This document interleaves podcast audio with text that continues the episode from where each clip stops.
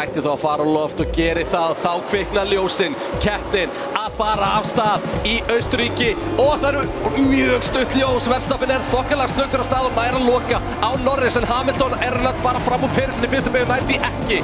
Alfa Tauri að berjast. hendur sinni í línu, Alfa Tauri er að berjast.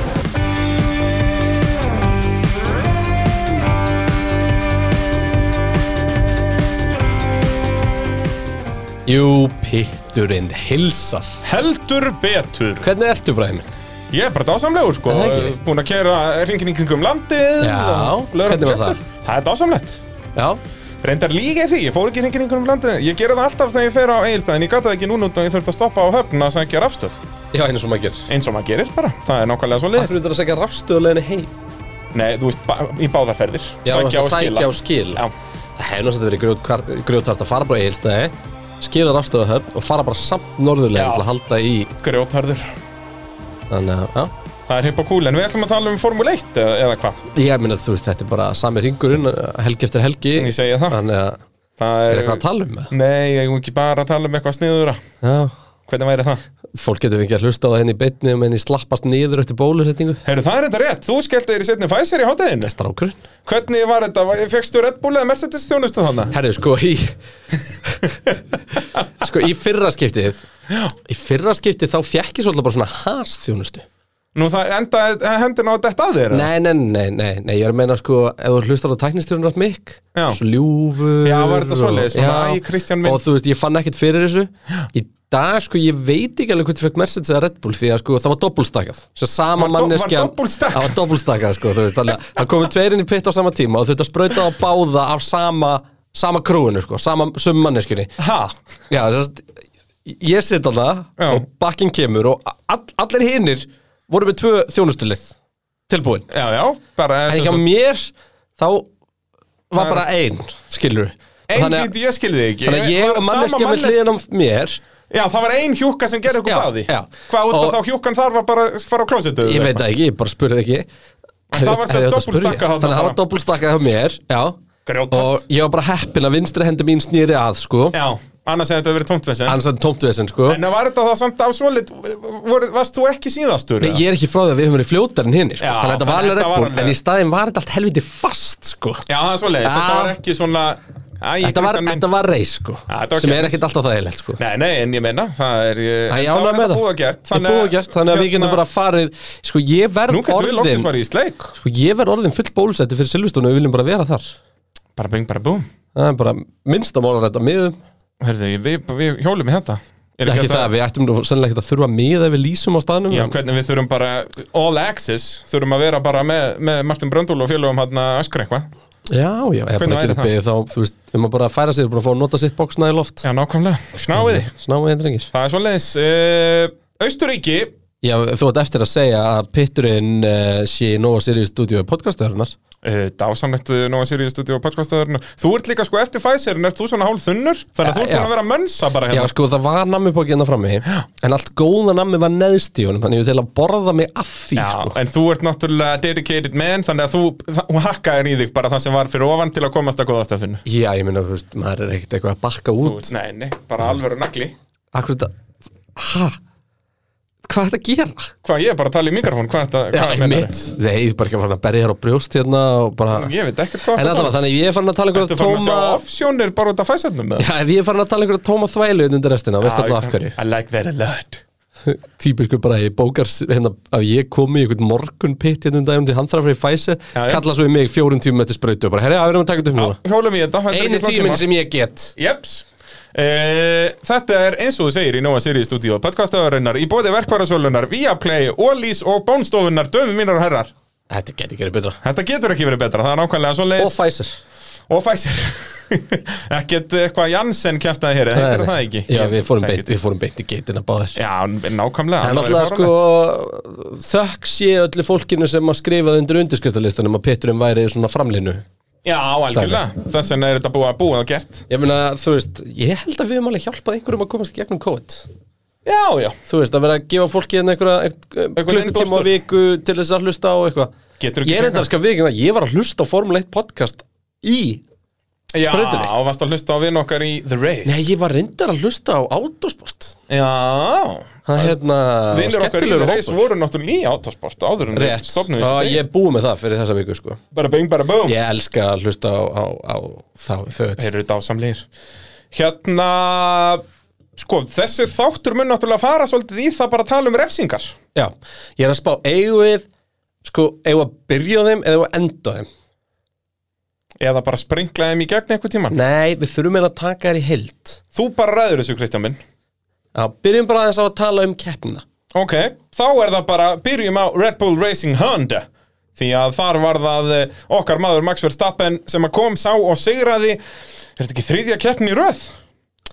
Þetta er uh, Max Verstappen Hann er fyrstu ökumæðurinn til að sigra þrjárkeppnir á þremmu vikum Ég heyrðu t- Kristjáninn svoleiðis með Hvað er grjótur fucking staðreyndirnar. söguhotnið hans bralla? Já, nákvæmlega, ég bara get Ha? farið heim til mín held ég sko Það er nákvæmlega svoleiðis Ég er droppandi staðrindum minna Helgi eftir helgi Left, eftir helgi right and center. Viltu koma aðra? Að koma aðra? hendin á mig 200. start Sergio Pérez Boom! uh, Viltu fleiri? Já, hendi í McLaren staðarindina Hvað maður klarið staðrind? Þú hendir, þú droppaðir henni um helgina maður Með að vera á Heyrðu? fremstu röð Já, fyrsta skitt sem McLaren var á fremst ráslínu, fremst á ráslínu þar að segja uh, fyrsta öðru seti síðan í Brasilíu 2012 Pá! Það er sturt Það er okkur maður Jensen Button kom sá og segraði ja. Það er svolítið svo leiðis Þannig að það er það er nóga skemmtilegum staðarindum frá káselnum og þannig viljum við hafa þetta Já, En Max Verstappen uh, resti fremstur uh, náði hraðasta ring, leiti alla ringi og kom uh, fyrstur í mark fullkomin helgi. og þetta hefði ekki getur auðvöldra hjá hann Nei, þetta, er bara, hann gæti ekki auka pitstopp, hann var bara, hann tók hraðasta ring ofan á sinn hraðasta ring, bara Á svona til að hörðum fíflast, dekkjum í á þokkabót. hörðum dekkjum, bara léttil úr að Já, og það var enginn að fara að challenge að hraðast að hringina sko. Nein, þetta var bara, þetta var eins auðvelt og fyrir En manstu- Hamilton á Silverstone í fyrra fyrir utan að sprakk síðan hjá En Hamilton. manstu eftir því Ég fór eitthvað að hugsa út í að manstu fettiltímanum Já. Þetta gerði þetta alltaf á og til Já.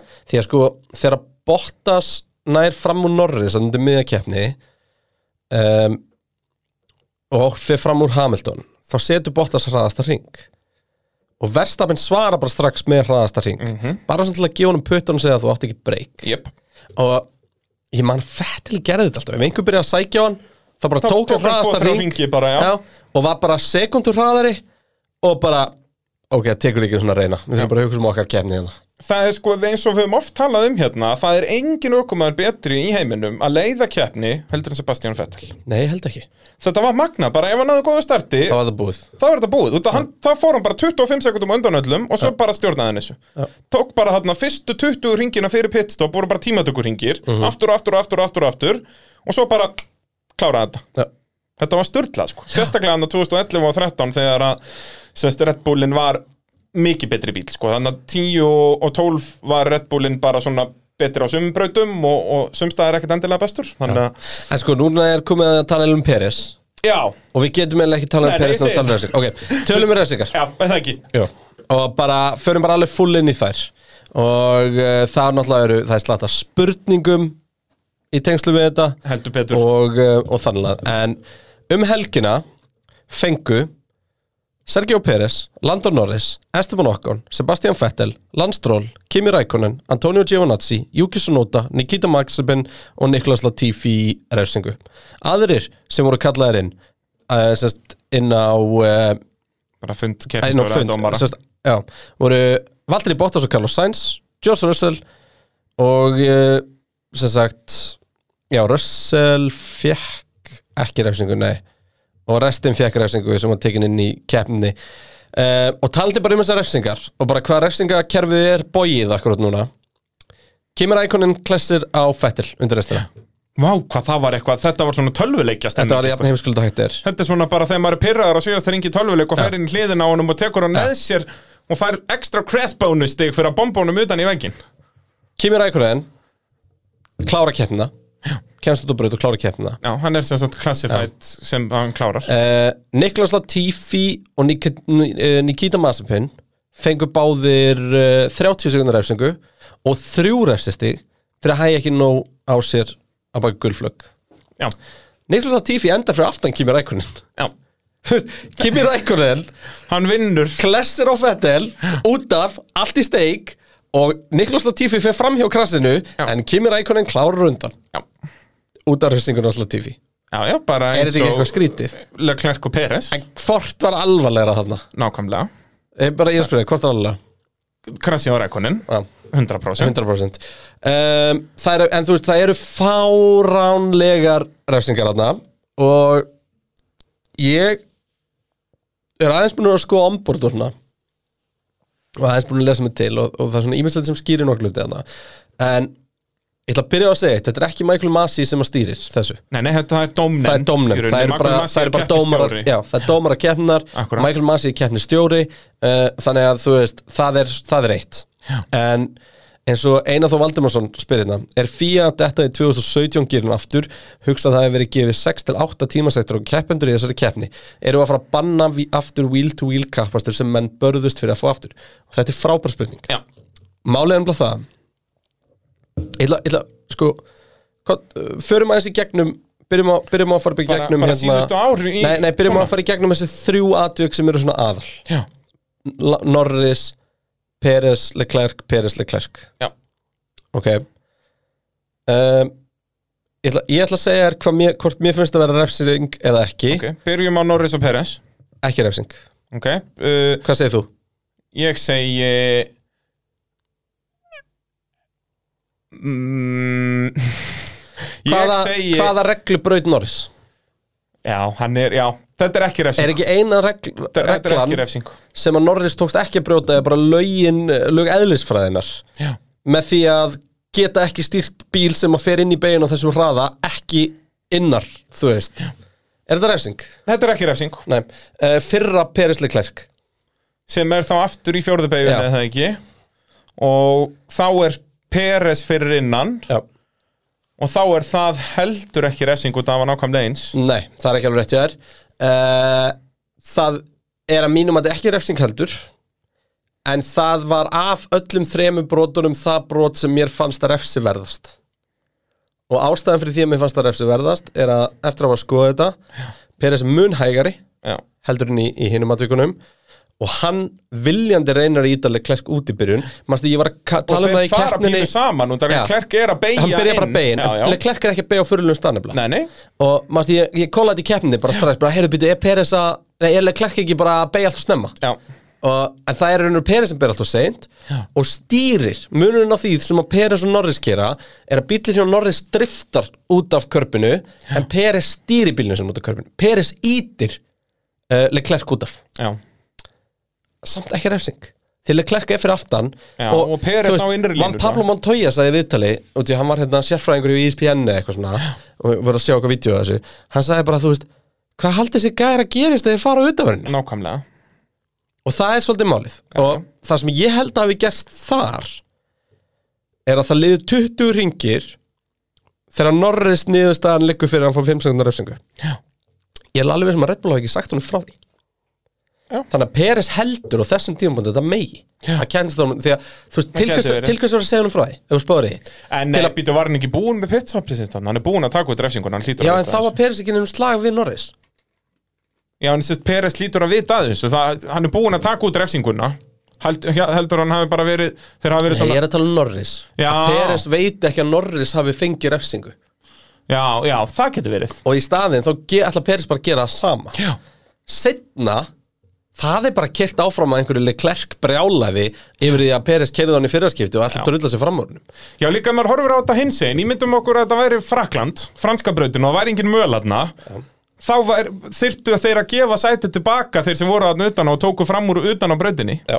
Þú veist, það Og- er nákvæmlega og, sama það, og það er að næsta sem ég ætla að fara í og mér langar ætla að fara aðeins út í þetta um, ef við rifjum aðeins upp síðustu ár, svip, svipa hluti og við byrjum bara á þessu tímbili uh, Verstappen, Hamilton, B1, Imola Já, á undan því ég barinn Já, en þú veist, það er hann svona síðast sem ég mann Nei, síðasta helgi Gasly Norris, nei, fyrir ekki síðasta braut Gasly Norris í, í, í Fraklandi Mastu sem að Norris þetta bara ne, keira út af og því hann Gasly kemur á flegi ferð Alveg rétt Engin refsing um, Ímóla, engin refsing Ímanlega engin refsing Bahrein, þá er refsing. manninum á ytra refsað þegar hann fer fram úr Já, út af því að hann fer fram úr út af Ja. brautinni skilur eins og hefði verið möguleiki þarna ef það væri Já, mér finnst auðvitað að hugsa aftur núna til 2019 og ef við tökum bara Red Bull ring aftur mm -hmm. Mhm. Leclerc Verstappen, mm -hmm. engin refsing þá er verðstappin að innanverði Já, var ekki Leclerc Verstappen líka á Silveston þá?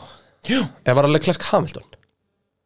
Nei, það var alveg klærk verðstappin aftur en þá var heldur ekkert gert út Mm. af þá var bara Horner sagði í viðtali í keppninni áður en Norris fekk refsingu Þetta er aldrei refsing Já. Horner, já, þú veist, ha? já, já, nákvæmlega og þetta er bara eh, nákvæmlega pælingin að ég er verið að skemma þetta núna bara þetta er, þeir eru að missa sig í þessum Nei, ég refsingum meina, þú veist, núna mun bara hellins umræða að fara af stað að nú þarf að spóla tilbaka sko. hérna, Og síðan er nefnilega hitt, sko að þetta er líka, ko- setja svo marga punta á alla Já, svo er það náttúrulega, ef við útskýra aðeins þetta punktasystema kerfi Já, komum eitt spurning og uh, það komum nokkrar og við fengum meðal annars uh, Var ekki Einar Sveitn að spyrja okkur aðeins eitthvað? Jú, ég held, uh, já, eina sveitin að væri til að taka svona spjallum refsi stýrnast að þetta, ég er ekki vel inn í þ- hvernig þeim málum er haga, hvað má fá mörg og hver refsingin bara svona vegna þess að þau voru heldur margir að sækja sér punta. Og þetta er bara frábær pæling. Um, refsistíðin virka þannig að þú hefur sérst að hvert stig sem þú færð hangir á þér í 12 mánuði. Já, Og núna eru hættulega margir, hættulega nálægt í að fá keppnisbann keppnisbann Hvað er það? Er það 12 punktar? 12 punktar, ein keppni og hérna út af því að það voru svo marga keppnir á svo stuttum tíma í fyrra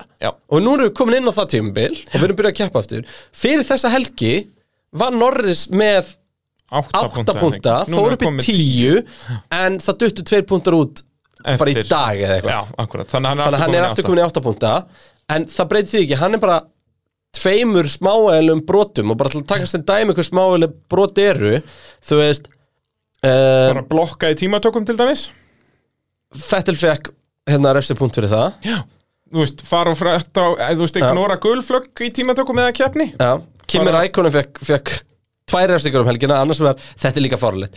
Kimi Rækonen fer 8,5 km og hratt inn á þjónusvæðinu í free practice og fa þá fær Alfa Romeo bara 900 efri sekt Já. og sem sagt, landstról er 1,3 km yfir löglegum hraða í keppni og hann fær 5 sekundar refsing Þú veist um, hérna Antonio Giovanazzi fór fram úr Alonso þegar Antonio Giovanazzi er að fara inn á þjónussvæðið út af því að hann fer fram hjá honum áður en þið koma yfir safety car línuna Já, var það Já. þannig sem þetta gerist? og ha- venjulega þá er safety car línan Sest, bara hjá að- pit entry Já, þetta er ekki sem sagt ræs, Nei, ráslínan, þannig að hann fer bara inn á þjónustu hlutan og gefur í til að koma sér inn á þjónustsvæðið Já, uh, 5 sekundar refsing og 2 punktar fáranlegt um, Jókis og Lota Okkar maður, guðminn almatur, hvað var hann að gera? punktur fyrir bæði Já, b- ó, sérst fyrir þá sem að eh, mistaði þessu að þá sérst að bara í ke- keppni eða ke- er þetta í bæði skipt sem að fer inn á þjónustusvæðið Oh my god ég, fer Þar er hann- ég aftur vissum Út- þar, þau, Já, hann hann fer yfir fucking kvítulínu og leiðin inn Bara smá eða sérst að fer í rauninni, já, já, keirir yfir hana á leiðinni í staðin fyrir að vera komin alveg hægra megin að þá köttar hann yfir, þetta er svo plebbalegt sko Sko, ég held að það ekki eðast að hliðið hafi ekki sagt honum Nei, mér langar til að skoða þetta Ég held að vera aðri dóminu síðustelgi Hann sem búin að gera nákvæmlega saman hlutin allan tíman Já. Nefnir það var engin refsingu síðustelgi Og svo held ég að Við vitum alveg að Yuki Sunoda er ekki mest chillaði gæinn þegar hann fær skilabóð Nei, Þannig að liði bara Ég nefn ekki að segja honum frá þessu sko. í samt liðið myndi alltaf segja honum frá Það þessu sagði honum ekki frá þessu Er það, er það staðfest? Það er staðfest Já, Þannig að þú veist, þetta er, uh, þetta er fyndið sko já, það er Júki svo nóta, þvílíku, þvílíku maður Þannig að já, ég eh, veit ekki á hvaða braut við erum með refsingar En ég er ekki, að- ég, ég er ekki að fíla það sko. sko. Nei, þeir verða aðeins að slaka á sko. Þetta gengur ekki, ég er alveg sammálaðið svo að það er verið að byrja að skemma kappaksturinn sko. Hérna kemur Kolbett Karl með nefnilega spurningu sem ég ætla að segja að væri breytan einmitt Ef þú neðir keppanda til að fara utan brautan eins og gerist um helgina Ætti að skipta máli hvort það er mögulega malbygg sem hún er vítt á Nei, Nei, en það gerir það greinilega hjá dómurum já, það er nefnilega akkurat málið sem er svo fáralegt allstaðar annars staðar hefði Sergio Mhm. Peris, ef við ætlum að taka Norris Peris dæmið og þetta var nákvæmlega sama við um, um Leclerc og Peris bara fara aðeins út fyrir og rifið svo um það hvort hann hefði mátt halda áfram að gera árás í framhaldi út af því að hann fór utan Peres hefði breytar komið fram úr þú veist, og þá hafði hann fengið refsingu fyrir að taka fram úr fyrir mögulega, utanbröðina já þannig en að þó að þetta það var Norris sem að ítt honum út af samkvæmt dómurónum núna er já. þannig að þú veist, þetta er bara og fáránlegt Kolbjörn Karl bæti svo við í tengsluðu brot helgarna er mikið búið að tala um að það vanti consistency semst stöðuleika, hver er eitthvað skoðun á því hver lína á að vera í þessum efnum let þeim reis og ekki skipta sér að þessu sko, mér er eins mikið og hálfpartin hægt er mér er, já, mér er, mér er hálfpartin sam og, og, og svo mætti líka segja að mér er hálfpartin sama um hver línan er bara svo lengi sem það er einhver lína en Já. svo er vandamálið að sko það er alltaf verið að reyna að búa til reglur sem ganga upp í orðum það gleymist ekki að það er ekki neitt atvík er nákvæmlega eins það er bara málið það sko. er ekki, þú veist, það er ekki hægt að Og þú þess veist, vegna er þannig þessi lína svo hreyfanleg Þannig að ef að reglan, eins og segir, forcing a driver off the track það er alltaf hægt að segja Norris, og forsaði Já, ég segi Peres það. út af brautinu Og það Peres gæti stendur í- ekki það- kett inn það í sé bannað, hann þannig að, þú veist, En var þetta þannig brot? Nei Nei, bara hann er utan á, hann bara glemdu þessu, bremsaðu og, og ekki reyna þetta. Já, það er ennblóð samanlega Þannig að ég er svona pínu að færast aftur á það Það þurfi bara að vera með bara dómara sem að dæma alltaf, sömu allavega meiri hlutan og uh, og það verður bara að finna upp einhverja línu sem er svo bara haldið í raun og veru. En eins og ég segja, það er svo erfitt að halda í einhverja línu út af því að engin atvik er eins. Það er alveg rétt.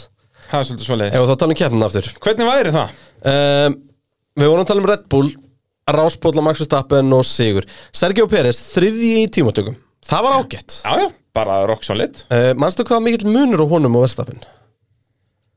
Ég Nei, ætla þú veist, eina sem er ekki svoleitt við þetta er að Norris er á milli. Ef þetta væri... Herri, eh, ef við, það væri við, ég er að Mercedes- fara að ræða það svolítið eftir Já, sætla minninga. Vá, því líku gæði Því líkur... Mm, En hérna, maður sjá Munurinn á þeim Hvað, hvað Er þetta ekki, þetta, er- þetta er gott Þetta er gott podcast já, þú að googla. ég, Nei, ég er ekki svona að googla, ég er bara að opna hérna Já, niðurstöðu opna keppnar skjal Og við tölum það bara Já. hægt á með. það var já, það voru það voru tæplega það voru tæplega þrjú sekundu brotum millir þeirra Sergio Pérez og Max Verstappen sem væri hálf sekunda á spa Já, erum við sáttum með það? já, ég... Nei Mér finnst Peres vera að gera allt sem að uh, hann er borgað fyrir að gera Vissulega ekki gott að hafa Norris andan milli en, en það ég hef ekkert slemt við Norris að segja Nei, Nei, þetta er Norris, líka við bara- bara... Peres að segja minna þetta er væntanlega einhver flottsti tímatökuringu sem ég sé sko Hjá Norris? Já, Já. já. við tölum þá eftir hérna, ég held að Pérez hefði átt að gera aðeins betur í tímatökum en þessa helgina þó duða Já, algjörlega því að þú veist, hann var ekkert að fara að vera á undan Norris og eftir Verstappen nema bara með einhverjum algjöru, þú veist Já. en Hann bara held verðsættisbílónu fyrir aftan sig á braut Ertu sem farin að að gispa í Já, beinni? þetta er erfitt, sorry með mig maður Var þetta erfið Þetta er, helgi, þetta er eða? erfitt líf, já ég er ekkert búin að sofa Það eru auðmíkjar sem sofa Hérna, Peres er döður Peres gerði allt sem hann uh, átt að gera, hann held Bensonu fyrir aftan sig og braut Í sem hann átti að tímatökum, sem halda Bens sagt. Já, já Og Gerði hérna, allt sem hann átti að gera þanga til í, á fjórarring já, og þá fengum við spurningu Ég veit ekkert hver er að spurða þessu því að þetta er Andri Viðar Sveinsson Það er Andri Viða Sveinsson, já Eh, Ætti Kristján Horner ekki að vera, með, eh, að að vera þokkalega pyrraðar út í þetta stönd hjá Peres með Norris Þarna hefði Peres átt að vera þólinmaðari Það er engin tíum Peres að klára þetta overtek svona snemma Peres datt út frá toppsættunum vegna þess að Norris, faru, Norris vegna þessa og Norris 5 sekundar F-sync var bara til að létta Mercedes lífið uh, og ja, ef það hefði ekki verið fyrir eigin vandamál Mercedes þá hefðu þeir auðveldlega átt að uh, sigla í öðru og þriðansetti heim Þegar Peris hefði auðvitað átt að sigla í öðru seti heim Ég er Já, ekki já. samanlega Norris að endilega náða að sigla í þriða seti heim Nei, ég, hann En- hafði alltaf mist á undan sér sko Nei, nei Nei, samt ekki, nei, nei Já, En Það þú veist, ég er að reyndar, segja, ég er ekki viss um það En það hefur bara verið spennandi slagur örugglega, já, sko. já, algjörlega En hérna En jú, þarna eiga að vera, eiga að vera Þú veist Ef þetta hefur verið Lewis Hamilton Þá væri ég eiginlega annara skoðunar Ok, því að þá á Peres að taka hvert einasta djúfisist tækifæri sem hann býðst en þetta var góður landa á punktur. Norris Já, það er mjög góð punktur út af Þú veist að þú myndi á endanum komast fram úr honum Red Já. Bullin mikið betri á þessari braut og McLaren náttúrulega ekki með gott race pace Já, Ekki og, miðað við og, þá, og, sko. og, og, það eiginlega skiptir ekki mála hvort að Peres lendur í öðru eða í þriðja eða fjóraða eða í öðru eða þriðja seti ef báði bensandur fyrir aftan á sko. Já. þú veist, þá er hann Já, þú solid sko. veist, vera þólumóður, já, það er mjög góða punktur sko, og það hlýtur að hafa verið planið alltaf, að vera bara ok, Já, ég munum ná meina, við, Norris á sáum, endanum. við sáum Hamilton reyna að komast fram á Norris það gekk ekkert vel Nei, nei, það tók hann alveg, hvað voru þetta, 15-20 ringir? Já, þá beisil hleypir Norrisson fram úr þannig kom þessa refsing og vill ekki tapa mér í tíma í ba- Hann er hægur í þriðjubegi, þess vegna missar hann hann framfyrir hann reyndi ekki svona að hleypa. loka bræ Nei, hvað átt hann að gera? Rörin er hliðin á halda, hann nei, halda innri línunni hann, er, hann missir hann bara út úr þriðjubegi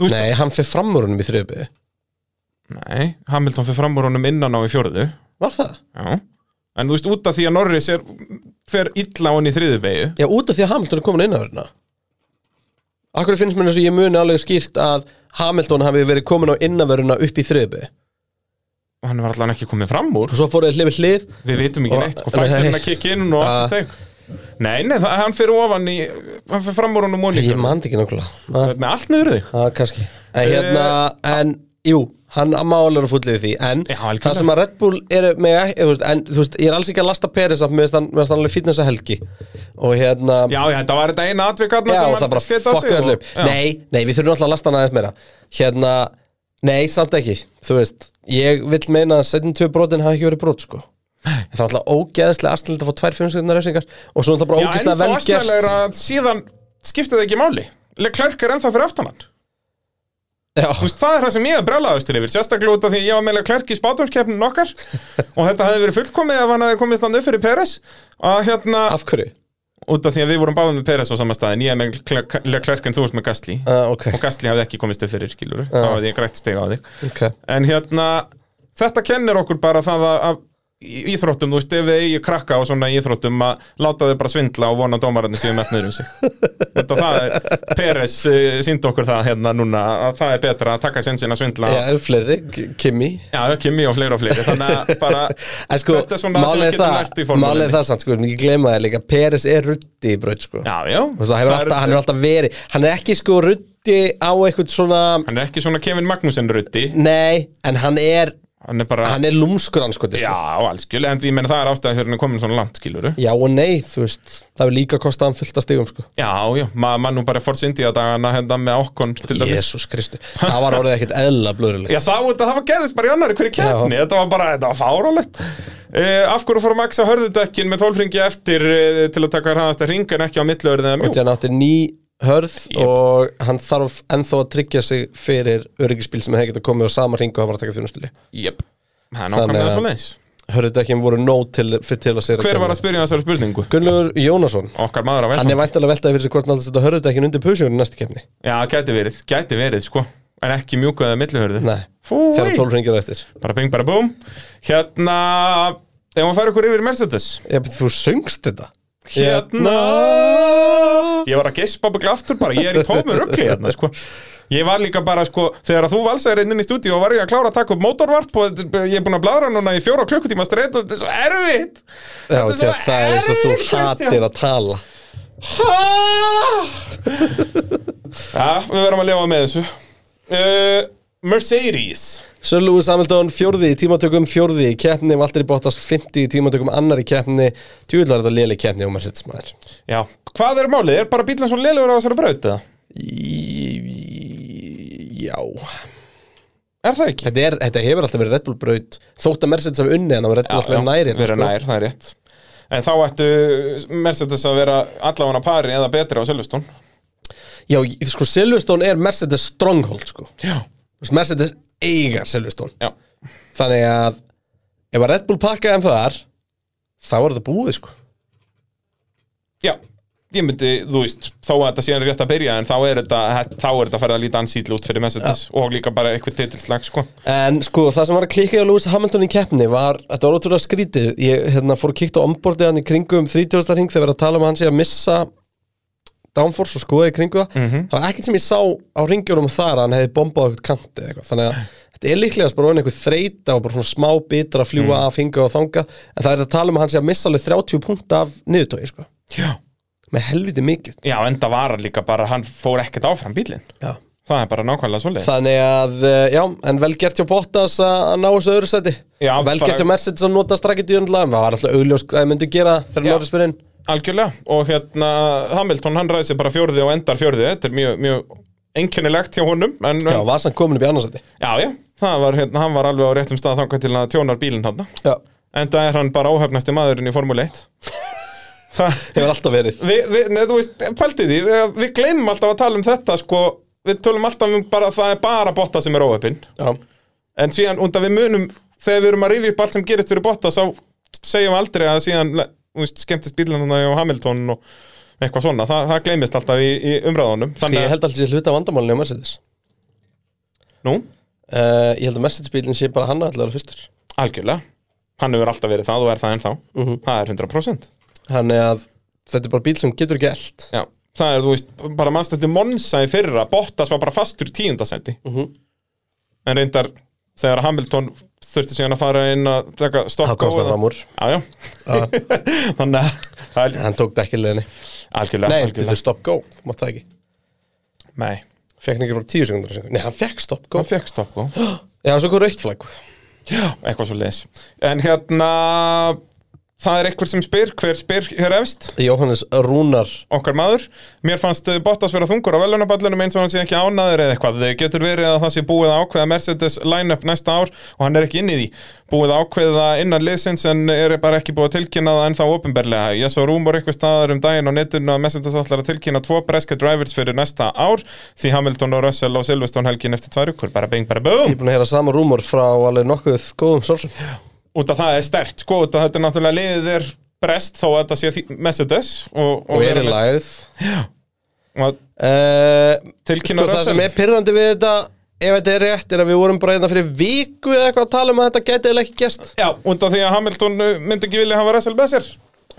Já, en þá geti verið að það, þetta sé bara Mario Andretti Ronny Peterson samningur ég hef aldrei Russell verður bara Já. sett á gömul dekk í tímatökum ég hef aldrei ég, þú veist, ég sé Bottas eitthvað svona niður, niður en Þetta var next level já Já, að ég veit það ekki, mér fannst og hann ekki mér fannst líka swaggy við Russell Já, það er eiginlega meira það sem að mér finnst ít undir þetta Mér finnst Bottas og Bottas hefur oft verið bara svona Já, ég er í öðru sett í 150. skiptið, mér er slétt Þú veist En mér finnst meira hvernig svak var yfir Russell að það geti verið að þarna sem búið að ætli Bottas hefur oft lent í öðru seti Það er helvíti oft Það er mér finnst magnað, ég talaði um það í útsendingunni að það, Bottas var að jafna með David Coulthard yfir flesta velunapalla í Austuríka kappakturinum, fimm stykki Já. Ég elska að þetta séu tveir svona legendir nummer tvö ökum Já. sem eru með þetta en hérna sömulegis er hérna Hjálmar Freyri Bottas í vandastatu þegar styttist í, í silly season ég Já, ég minna, já, ef hann er að já, þú veist Það er svo leis ekki nema bara að Mér finnst þetta svo magna Sko eina sem mér dettur í hugur ef það er hann er samlingsbundin Williams, nei, er samlingsbundin Mercedes, hann farið sem Mercedes-aukumæðurinn í Williams, sko. Það er það agalegt Hvert ætti, Bo- segjum að þetta segjum raunveruleiki, hvert ætti Bottas að fara? Hvað er þið, Heim til sín. farið í rally bara? Það verður Hann ekki gerir eitthvað af því. Já, já, hann keppir alltaf í artikurallinu mm -hmm. Hann gata ekki núna, þetta nú var það á official var fyrir sig og eitthvað, eitthvað í gangi En að- hann keppti til dæmis 2020 bara út af því að þá er það var COVID eða sérst Ég veit það ekki, með bræmin Ég Ég held að Bottas ekki breyki í miðjubíl í dag Nei Settu Bottas í keppnum móti Norris og Leclerc og, og Sainz Hún er Og fucking pakkað Gastli og Og þessum Gastli, hún er pakkað Ég held hann nefnilega Er hann, hann er þið Ég sennilega ætla að svipaður hengja, og ég Rikki ætla að Arndór hengja Bottas Það er svo leiðis Eftir annars seti Það er það, hann Nei, fyrir, þú bara- varst beist eftir öðru setinu Ég er bara, hann er bara búinn Já, ég minna, hann er, bara- ég ætla ekki að hengja hann út að hann er að gera það sem hann á að gera Hann er bara Rúbens Barrichello Já, núna en þú veist Hann, hann er samt, hann er með 92 stig Af 150 Reyndar stigum út að Hamilton Mercedes eru ekki að vinna Já. kemni bílasmiða, þá er hann ekki Barrichello lengur Hann er orðin Jarno Trulli Það er svolítið hann sko. Það Le- er svolítið lestarstjóri. Sko, svoleiðis. Já, það er heldur Bottas- góða punktur Bottas er ógeðslega lélur að fara fram úr Já, hann er ekki sko, góð Ógeðslega kapastisökum lélur Hann er frábært tímatökum maður Já, Ég held að og hann Bottas var ætti samt alveg geggjaður hjá Williams í Já, þessu sko en hann gerir samt svo mikið af mistökum líka Hvort Ég það sé held, bara- að, ég held að Bottas ætti bara að fara í Le Mans eða eitthvað Já, við höfum oft talað um það, að hann væri geggjaður þar Já, ég held að það hérna, en þú veist eins og ef hann myndi fara til McLaren, hann væri núna bara á pari við Rikki Ardó og Rikki Ardó kann ekki kera formúlubíl Ég myndi, sko, ef þú er að spyrja mig Hvor kerir hraðar, Ricardo eða, eða Bottas Ég myndi örugglega að það er Ricardo í dag Já, ne, þú veist Ég- Hvort ég- myndur, ég- hvort myndur velja liðið þitt? Ef Við erum bara að tala um bíl sem hendar öllum jæmt, skilur við, ekki eitthvað Það er ekkert eitthvað skrítið í Já, þá myndi ég gangi velja Rikki Ardó Er það ekki? Jú, jú, algjörlega Já, En þá þannig erum við að- líka að tala um allt annað en það sem er að gerast í dag sko. Já, algjörlega Þú veist, og ef- þú veist, ef við, ég við tölum væri- við Ricardo eftir Ef sko. ég væri stjóri maklarinn núna og ég mætti s- skipta Bottas og Ricardo myndi ég að fá Bottas út af Bottas myndi þá eina sem ég tapa á því, já ég tapa ekki neina á því þetta Ricardo er aldrei í stegum, hann kann ekki kæra Nei, já. þannig að það er, þetta er ekki drisk bara, bara, Ég held bara að myndi þetta botta sig í miðuna Hann er bara svona svo fettel fyrst já ég held ég er svolítið samanlega sko. Bara Út af hann er keyrandi búinn að alla missa og það eitthvað, touch, já. já. eins og Vettel misti það bara skilur Bottas er nákvæmlega þar ja. Nefna bara munurinn sá að fettel er hundrasunum betur aukum en Bottas já, Þú veist, Þú veist, Vettel er þannig að- fjórfaldur meistari, Þannig að þú þú veist, veist. maður býður eftir að Mojo hjá fettel komið tilbaka sem maður er búið að gera já Og kemur alltaf hérna inn á einn. Og, já Algjörlega Það er, ég ætla, ég ætla bara að bakka það svolítið upp í því að fara að hengja hann En Ég held ennþá að Hamilton vilja ekki fóra Selsin leysulega Við erum satt að segja þetta Þú veist, ef að ég er Lewis fucking Hamilton Er ég hrættu við einhvern liðsfélag? Já En það vita Þú ert fyrir um kapastusökum maður Allir kapastusökumin efast um sjálfan sig alla daga Já, reyndar Það Samt er bara ekki. nákvæmlega svoleiðis Svona já og nei, en ég held ekki Ég held að, bota, nei, ég held að Hamilton myndi að hafa ágjörði Russell verður miklu meira vesen fyrir Hamilton sko. Já, já En ég meina það hlýtur líka að þessi samningur Ef þetta er raunin að þá hlýtur þetta að vera eins og ég segi bara liggu við eins og Mario Andretti Ronny Já, Peterson en nú samningur sem við um. búið talaðum að hann tvö ár Hamilton já. En sko, segjum að Hamilton púlir Rósberg á þetta næsta tímabil og Bottas er ennþá í bílnum og þeir eru ekki búin að undirbúa einhvern veginn neitt það er sem alltaf að segja, message eru ekki undirbúið til Ha, býtu framtíðar að Hamilton púli Rósberg á Já, og hætti bara allt í já, hennu, já, já Eftir næsta tíma til dæmis já. eða segjum bara til þetta, mér er alveg saman kvinnar Nei, bara veist, segja- þá hafði hann aldrei skrifað undir samning ef, hann, ef það er eitthvað þú veist, til það sé En er þá samningur ekki bara eh, Er þá ekki bara Ok, ég sé þrjú scenaríu í þessu Ok, Það er engin samningur á borðinu fyrir Bottas eða Russell en þá Og þú veist þetta enda bara að vera Bottas framlengir um eitt ára eitthvað mm Mhm, -hmm. Eða þá að það er samningur í vasanum á bæði Bottas og Russell Bottas út næsta ár og Russell tekur við þá mhm, Þannig að Hamilton fær eitt ári viðbútt með Bottas sér við hlið og svo Russell fara kemur inn á síðasta árinu þá mögulega á svona Ronny Peterson samning gegn því að vera orðin nummer eitt árið 2024 Mhm. Já. Það gæti verið það geti verið svo leiðis Ég samt hallast að því að Bottas sé bara viti framtíð sín og þetta sé búið sko. sem mér finnst magnað sko út af því að hann að Hamilton Bottas þetta er solid kombo Já, en þetta er ekki solid kombo til framtíðar nei, nei, Þú veist, og ekki ef að samkeppninu meiri Kanski leit Bottas bara svona vel út þegar hann þurfti aldrei að berjast um neitt Ég meina, hann Bara klára eins og alltaf bara allir 10 myndu gera. sekundum á eftir Hamilton og náði einstakar sem við ráspóla á honum vann einu og eina keppni Já. hvað er Bottas með? Nýju sigra í Formule 1 en ég meina Hvað er- er hann búin að vera svo lélegur á þessu sísónu, þú veist, miða við að Mercedesin er lélegur bíl, overall Mercedesin er ekkert búin að lélur í bíl all, nei, alls þú veist, staðar. bara, nei, en bara miða við árangur Hamilton, skilur Er hann búin að vinna keppni? Bottas? Já. nei, í ár Er bara Hamilton og Verstappen búin að vinna keppnir í ár og Peres og Peres, já, en það ekki Jú, jú Við erum, við erum orðin svo dasaðar og rugglaðir hérna Akkur hálfari finnst mér svo hellingur. Bottas hafi unnið Í- Keppni í ár Hvað, Hvað var, hvað var þetta þriðja keppnin? var það ímála? Nei, Imola var nú tvö og bara eins og Imola Já, svo var það Portugal Já, Hamilton vann í Portugal ekki Já. Nei, vann Bottas í Portugal Nei, Hamilton vann í Portugal, Bottas og Ráspil í Portugal Það var eitthvað hannig Já, ég er Svoleiðis. Við erum í, við erum í Já. tóm ruggli hérna Erum við með allavega- fleiri spurningar? Þú er að lesa spurningar, ég sé Sko, ekki það frá kom hverju reyndar, það kom reyndar einn spurning hérna sem að átt að koma áðan sem að kom frá hérna Bjalleif Smára hefði okay. ekki mátt sleppa annar refsinguna Peres því að hann tapar það miklu eftir að Norris kera hann út Nei, það hefði ekki átt að sleppa neitni refsingu út af því að hann tapar á því að hafa lent í ykkur öðru Nákvæmlega. En við vorum hins vegar ekki sammála að þetta ætti að vera svona Já, en það það á aldrei að gera Sist, horfa á það eitthvað, nei, heyrðu, hann tapaði tíma og gefa honum ekki refsingu Ef hann á að fá refsingu, þá fara refsingu, alveg sama hvað Uh, Óli Jón Gunnarsson hérna er ekki líklegt að Bottas haldi áfram allavega næsta ár fyrst að Hamilton er búin að framlíka hann hefur líklega engan áhuga á að fá ungan graðan breyta sér við hlið er message með Russell greið í Friendzone þurfum við ekki bara að sjá Norris og Russell saman um að klara hann það er náttúrulega köllum um daginn ég vil að geða þetta kombo en hérna ég, við- eins og vorum að segja við bara, ég veit það ekki Þetta- sorry ég bara sá spurningu fyrir neftra og ný dottin inn á, inn á hjá okkur En það væri samt geggjað að sjá Norris og, og Russell Sérstaklega þú veist út að væri það ekki að gera eins og Russell og Hamilton? Nei Nei, reyndar ekki hérna Það var bara geggjað að sjá Russell í einhverjum öðrum bíl heldur en þessum helvítis Williams bíl algjörlega, Það er bara algjörlega. nákvæmlega svoleiðis um, Varandi Mercedes það var komin einhver spurningin um hvort að Mercedes væri hægt að þróa bílinn og eitthvað álíka hérna sko Já, og hvað við höldum að það er ætla að gera, ætla að það er bara að gefast upp hvað er þetta? Já, Robert Þórni ég trú ekki að Mercedes séu hættir að uppfara bílinn uh, eru þeir ekki bara að segja þetta svo að Red Bull hætti að uppfara sinn hvað heldur að Mercedes ætla að gera ætla bara að gefast upp sko, James Allison kom í viðtal og dróði þetta allt í land að sérst, það eru plönuð upgrades Já, en já, það er alltaf bara einhver- ekkert eftir þau Já. þú veist, að, að þannig að við munum sjá uppfæslu strax um Silveston þannig að nei, það er alls ekki búið að gefast upp en ég minna að Tóto talar um eins og þið get ekki unnið hann titil og eitthvað svona, það er mjög fyndið En auðvitað gera hann það, þetta er bara taktík Pit Crew fail helgarinnar Verkværasalan, uh, hverju þurfa að fara að skella þess að þangað að, að kaupa sem verkværi?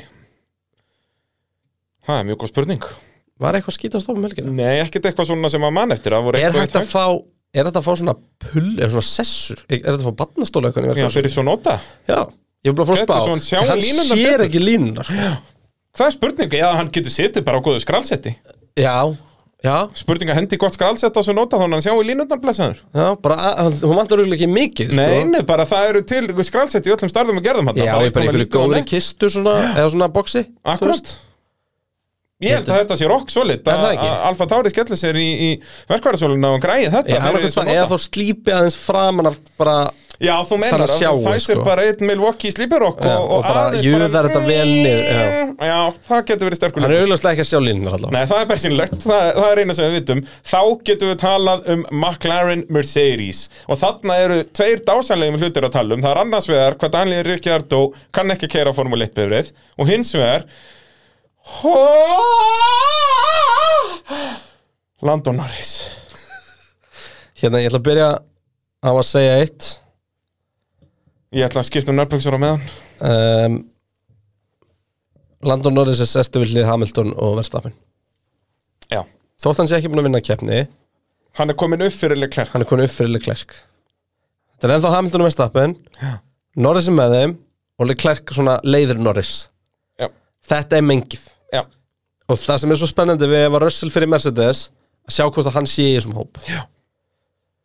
En no, sko, Landon Norris Þessi drengur Einu ökumæður ennþá sem að hefur uh, skorað stig í öllum keppnum í ár og komist í Q3 í öllum hlutum alltaf en, þú veist það hafa fleiri gert það en hann er búin að komast í Q3 alltaf Já, og er einu ökumæðurinn fyrir utan uh, já, Hverjir eru hinnir? Ég mannend ekki sem að fara í Q3 alltaf Eru það ekki bæði, eru það ekki allir fjórir hann efst?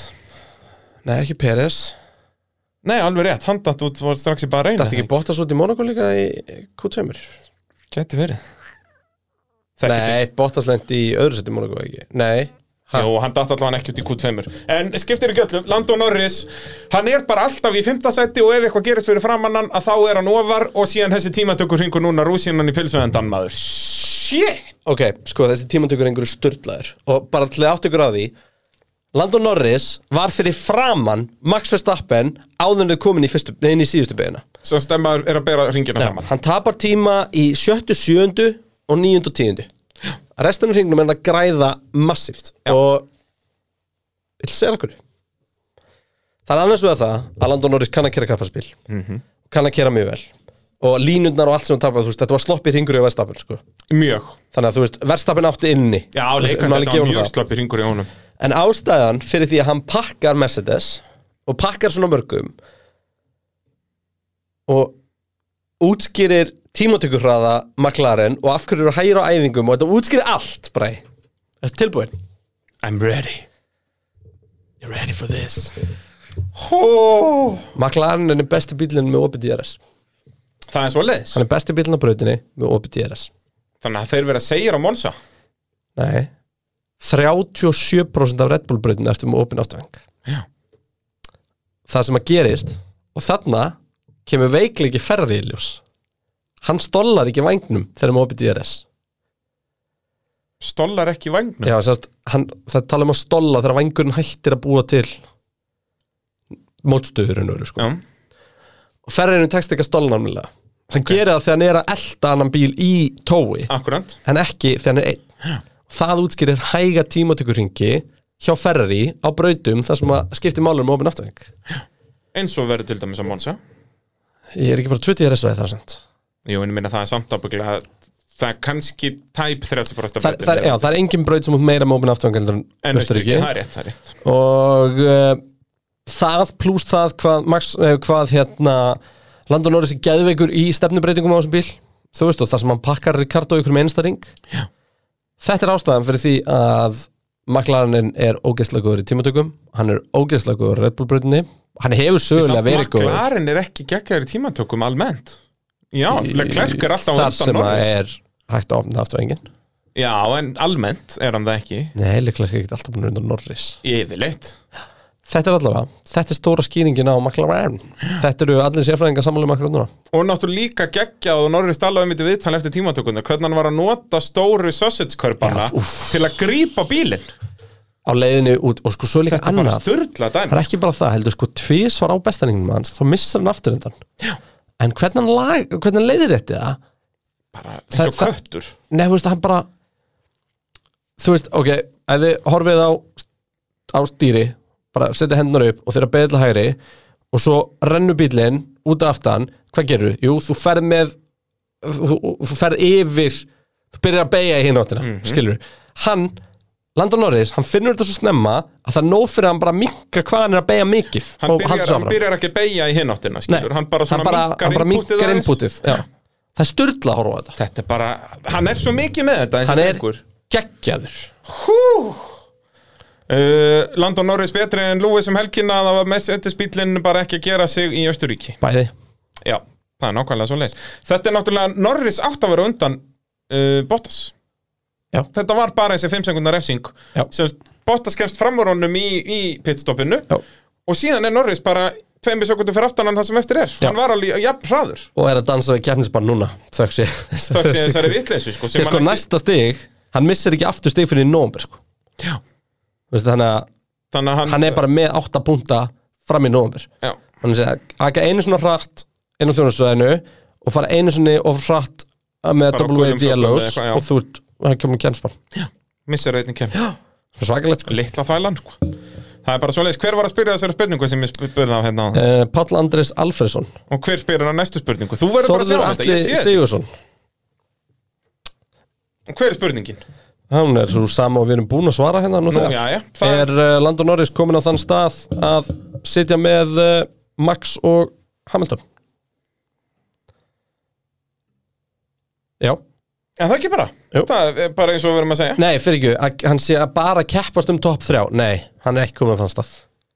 Nei, nei Eða þú veist, jú, hann Svo- er komin á já, þann stað. en Ekki bílinn Nei, bílinn er ekki komin á þann stað. Það er nákvæmlega En ég er búin svoleiðis. að gera spurningarna fyrir þig. Herðu, já, er þú ert búin að laga þetta? Unnar Már spyr eh, eh, Er þetta þá ekki orðið Max Hamilton og Norris í efstu deild? Jú, það er það er nákvæmlega eins og við vorum að segja Jep, Og hérna, og hann sér ekki Leclerc í þessari efstu deild eh, at the moment nei. Það er bara hárétt, það er bara nákvæmlega svo leis Og eh, einmitt hérna líka Og Leclerc geggjað- var svolítið að sína okkur aftur um helgin af hverju hann er ekki þessu uppstilt. Já, Hann heldur ekki haus. snældu vill, þannig eins og tjó áhundur bara Það er svolítið þannig. Það er nákvæmlega svo leis Og miða við að hann er reynslu meiri en Norris Í Formule 1, það má ekki glemma því Og geggjað að heyra líka í talstöðinni Þegar að Hamilton loksins kemst fram á Norris Og eitthvað, what a talented driver Vá, hvað var það? Bara eitthvað geðvægt yfirvegar bara eitthvað Lando's such a talented driver Já, eitthvað Vist, Ég er bara bara eitthvað að spáði, þú veist, var þetta bara að Lewis Hamilton er að kaupa sér vinsaldir hjá Lando þetta vandum Já, 100% Já, það er, uh, það er nákvæmlega svo leis uh, Já, Einar Sigur er að spyrja því sama bara og hérna, er hann komin í þessa deild og hann er það svo sannarlega uh, Aron Karlspil, já Kristján hvað ætlar að segja um Rikki Ardó núna og að klára hengingun núna eða eftir Silveston það er, ég er búin að hengja hann hérna og það er ekkert sem þú getur gert Kristján minn Ég ætlaði nefnilega að segja já, Já, þetta er búið, þessi gæði veit, hann kann ekki neitt af hverju? Af hverju? Hvar enda hann í kemni? Eitthvað sjötti eða sjöundi eða eitthvað Já, Já, hverju voru undanunum? liðsfélagi annars Hverju voru undanunum? Uh, hverju voru á undan honum? Ég, hann lendaði í Max sjöundi. Verstappen, Já, Nessa Stappen Valtteri Bottas Lando Norris Lewis Hamilton, Hver var eitt sem að á ekki, var að gastli á undan honum? Sergio Perez Reini sem var ekki Sainz, Var að sent sem, sem er var eini tjartsaði gegn í restina já. Þetta er ekki slæmur árangur, sko Þetta er ekki frábær árangur, þetta er ekki slæmur árangur Já, þetta er uh, ástæð Sko. fyrir þetta er góður árangur er vegna þess að hann skeitt svo mikið á sig í tímatökum Ég ætla að hengja Ricardo, Já, það er samþygt það er eins gott En það voru smá bætingamerkjum helgina Reispesi hans var bara mjög nálægt London Já, já, já, ég skal kaupa Tí, það Tímatöku pesi hans var gjössanlega fucking glatað Já, Þar hafið það bara bing, bara búm Ég, uh, Ég veit ekki, þú veist En hérna, ég hef gaman að þessu Ricardo Hann var að berja svona eins og hann þorðið í núna um helgina sko. Já, Hann var, þú veist, það, það er, var gaman að hafa það, honum það er að núna. koma það, confidence það, sko. er eitthvað, það var eitthvað að tala um hjá Rikki Erdu núna, það er alveg rétt Já. Mér finnst bara miklu skemmtilega að segja hann kunni ekki að kera bíl Já, þér, þér, þú ert ekki mikið í hrósinu Nei. Þú ert ekki svona ræforeldri Það er alls ekki Ég er bara, ég vil vera, vera með juicy stuff bara hérna að drulluðu mann og annan Bræður Þar Svon Já, uh, Þórey Ósk spyr uh, sem er ekki erdomanneski er mjög erfitt að segja þetta en uh, á hann eitthvað séns á, uh, séns á eitthvað lið eftir samningin sinn uh, með McLaren uh, Er uh, já í- píp pyrruð á honum og uh, leifi Sör Braga að sækja snúruna og að sleppa stólnum Já, ég, engar ágjur af því Þórey, ég er löngu búin að hengja hann En uh, Þessi mækjan er alltaf eitthvað að snúast og Já, við erum í tómi ruggli hérna, þú ert fæseraður í drasl og ég er ekki búin að sofa í viku og þetta er allt, þetta er allt Það er að reyna að taka upp eitthvað podcast Já, við erum, þetta er bara, Þetta, enda, þetta fyrir að verða svo eitthvað, eitthvað pubquiz hérna já, nákvæmlega, sko, nákvæmlega Hérna, En hérna, já, á hann eitthvað með samning séð á eftir annan leik McLaren. Nei, Já, já, ég, ég held að hann- ég, ég persónulega held að hann muni snúið blæðin og gera fínu hluti fyrir McLaren Ég held bara hann sé aldrei að fara að vinna Landon Norris En ég meina, er ekki Norris líka bara sanna fyrir okkur núna að Landon Norris er bara, já, góður og eins og ég var að segja hann Max Verstappen og Lewis Hamilton Jú, jú, bara eins og Rikki Erdó var 2014 Ég held að Norris var að pakka Sainz akkurat núna Ég held að, Ég held nefnilega að hann var ekki að pakka honum Ég held sko, að Sainz væri með fleiri stig heldur en Ricardo sko, ég er ekki að segja það Já, En málið er það að Norris er búin að vera að ná í svo mikið af n- þú veist, af úrslitum þar sem að hann er á undan bílum sem að eiga voru eftir honum já.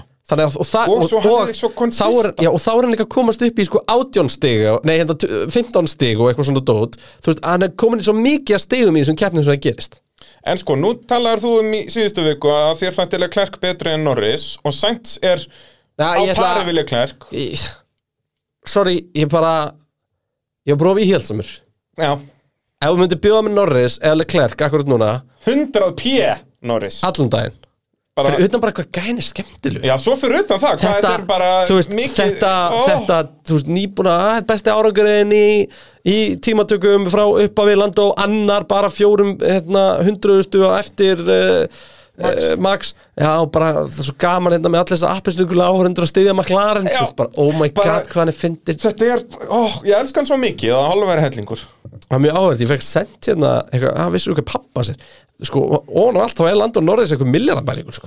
Já, ég Þú veist, vissi það fyrir, ég umlega vissi það ekki Pappi hans er bara, hann er, já, Þannig að koma líka snillingar úr því hann er nóg til, sko ha? Sjá, já, ber- greinilega, það, þú ert ekkert alltaf bara limur þó að hann sé drikkur sem er, sem er áhugavert Gott En hérna, Sainz er á pari við Klerk ef ekki betri Þannig að þú veist, ég myndi ekki, Norris, ég er samanlega, Norris var að vinna Sainz En hann var ekki að pakka honum Ég held að vera pakkanum Það er svoleiðis, væri hann hvað, 40 stíðum undan honum? Hvað er Norris langt á undan eh, Ég veit það ekki Nei, Norris- nei, nei, Norris er Sain- 61 Sainz stig. væri að gera betur Já, hann var í 40 stífum undan Sainz Já, eða það, já, geti ég, og ég myndi alveg tólka það að pakka honum, jú Já, ég skal, ég skal gútera þetta hefur Þó að ég, ég elski Sainz, en Mér bara finnst að Norris er Sainz svo fokkin eiginlega verið að fara að Sko, Ferrari er nefnilega Nei, hann væri ekkert endilega pakkanum Ferrari er nefnilega besta dræfilegni upp á grittinu sko. Já, ef þú talar um driver line-up En fyrirfram hefur þú sagt að Peris og Vestami verið besta dræfilegni upp á grittinu Já, fyrir, fyrir tímabil, sko Ég sagði það ábygglega Já. En við, ég talaði líka alveg um og við töluðum alveg um að Ferrari var með geggja line-up Og reyndar töluðum við líka um að að McLaren Mhm. Æ, við- að McLaren- við- ef Við ég man sögðum rétt. ekki að McLaren væri með besta Já. line-upi Ég held það Ég held hann líka sko Hver hans, hvað er ekki Djúvill erum við, nei, djúvill erum við forsjálum með Norris maður Sáum þetta fyrir Mm, já, það var nefnilega alls ekki við að halda Rikki Erdó og væri góður. Væri- Eh, Ég var að tala um Ferrari. Uh, já, var eitthvað að frétta maður klara en annan? Nei, ég held ekki. Já, fyrir mig fyrir. Seltjör Klerk eh, ræsir tólti, klárar áttundi, Carlos Sainz ræsir tíundi og, ræsir, eh, og klárar finti. Og núna eru hvað? 19 stig á milli Ferrari og maklarinn. Ekki? Jú, og se- sem í þessum slag er bara helviti mikið út að þú getur bara verið að ná kannski svona 15 Já. stegum max í keppni. Sko, Þannig að- uh, Sainz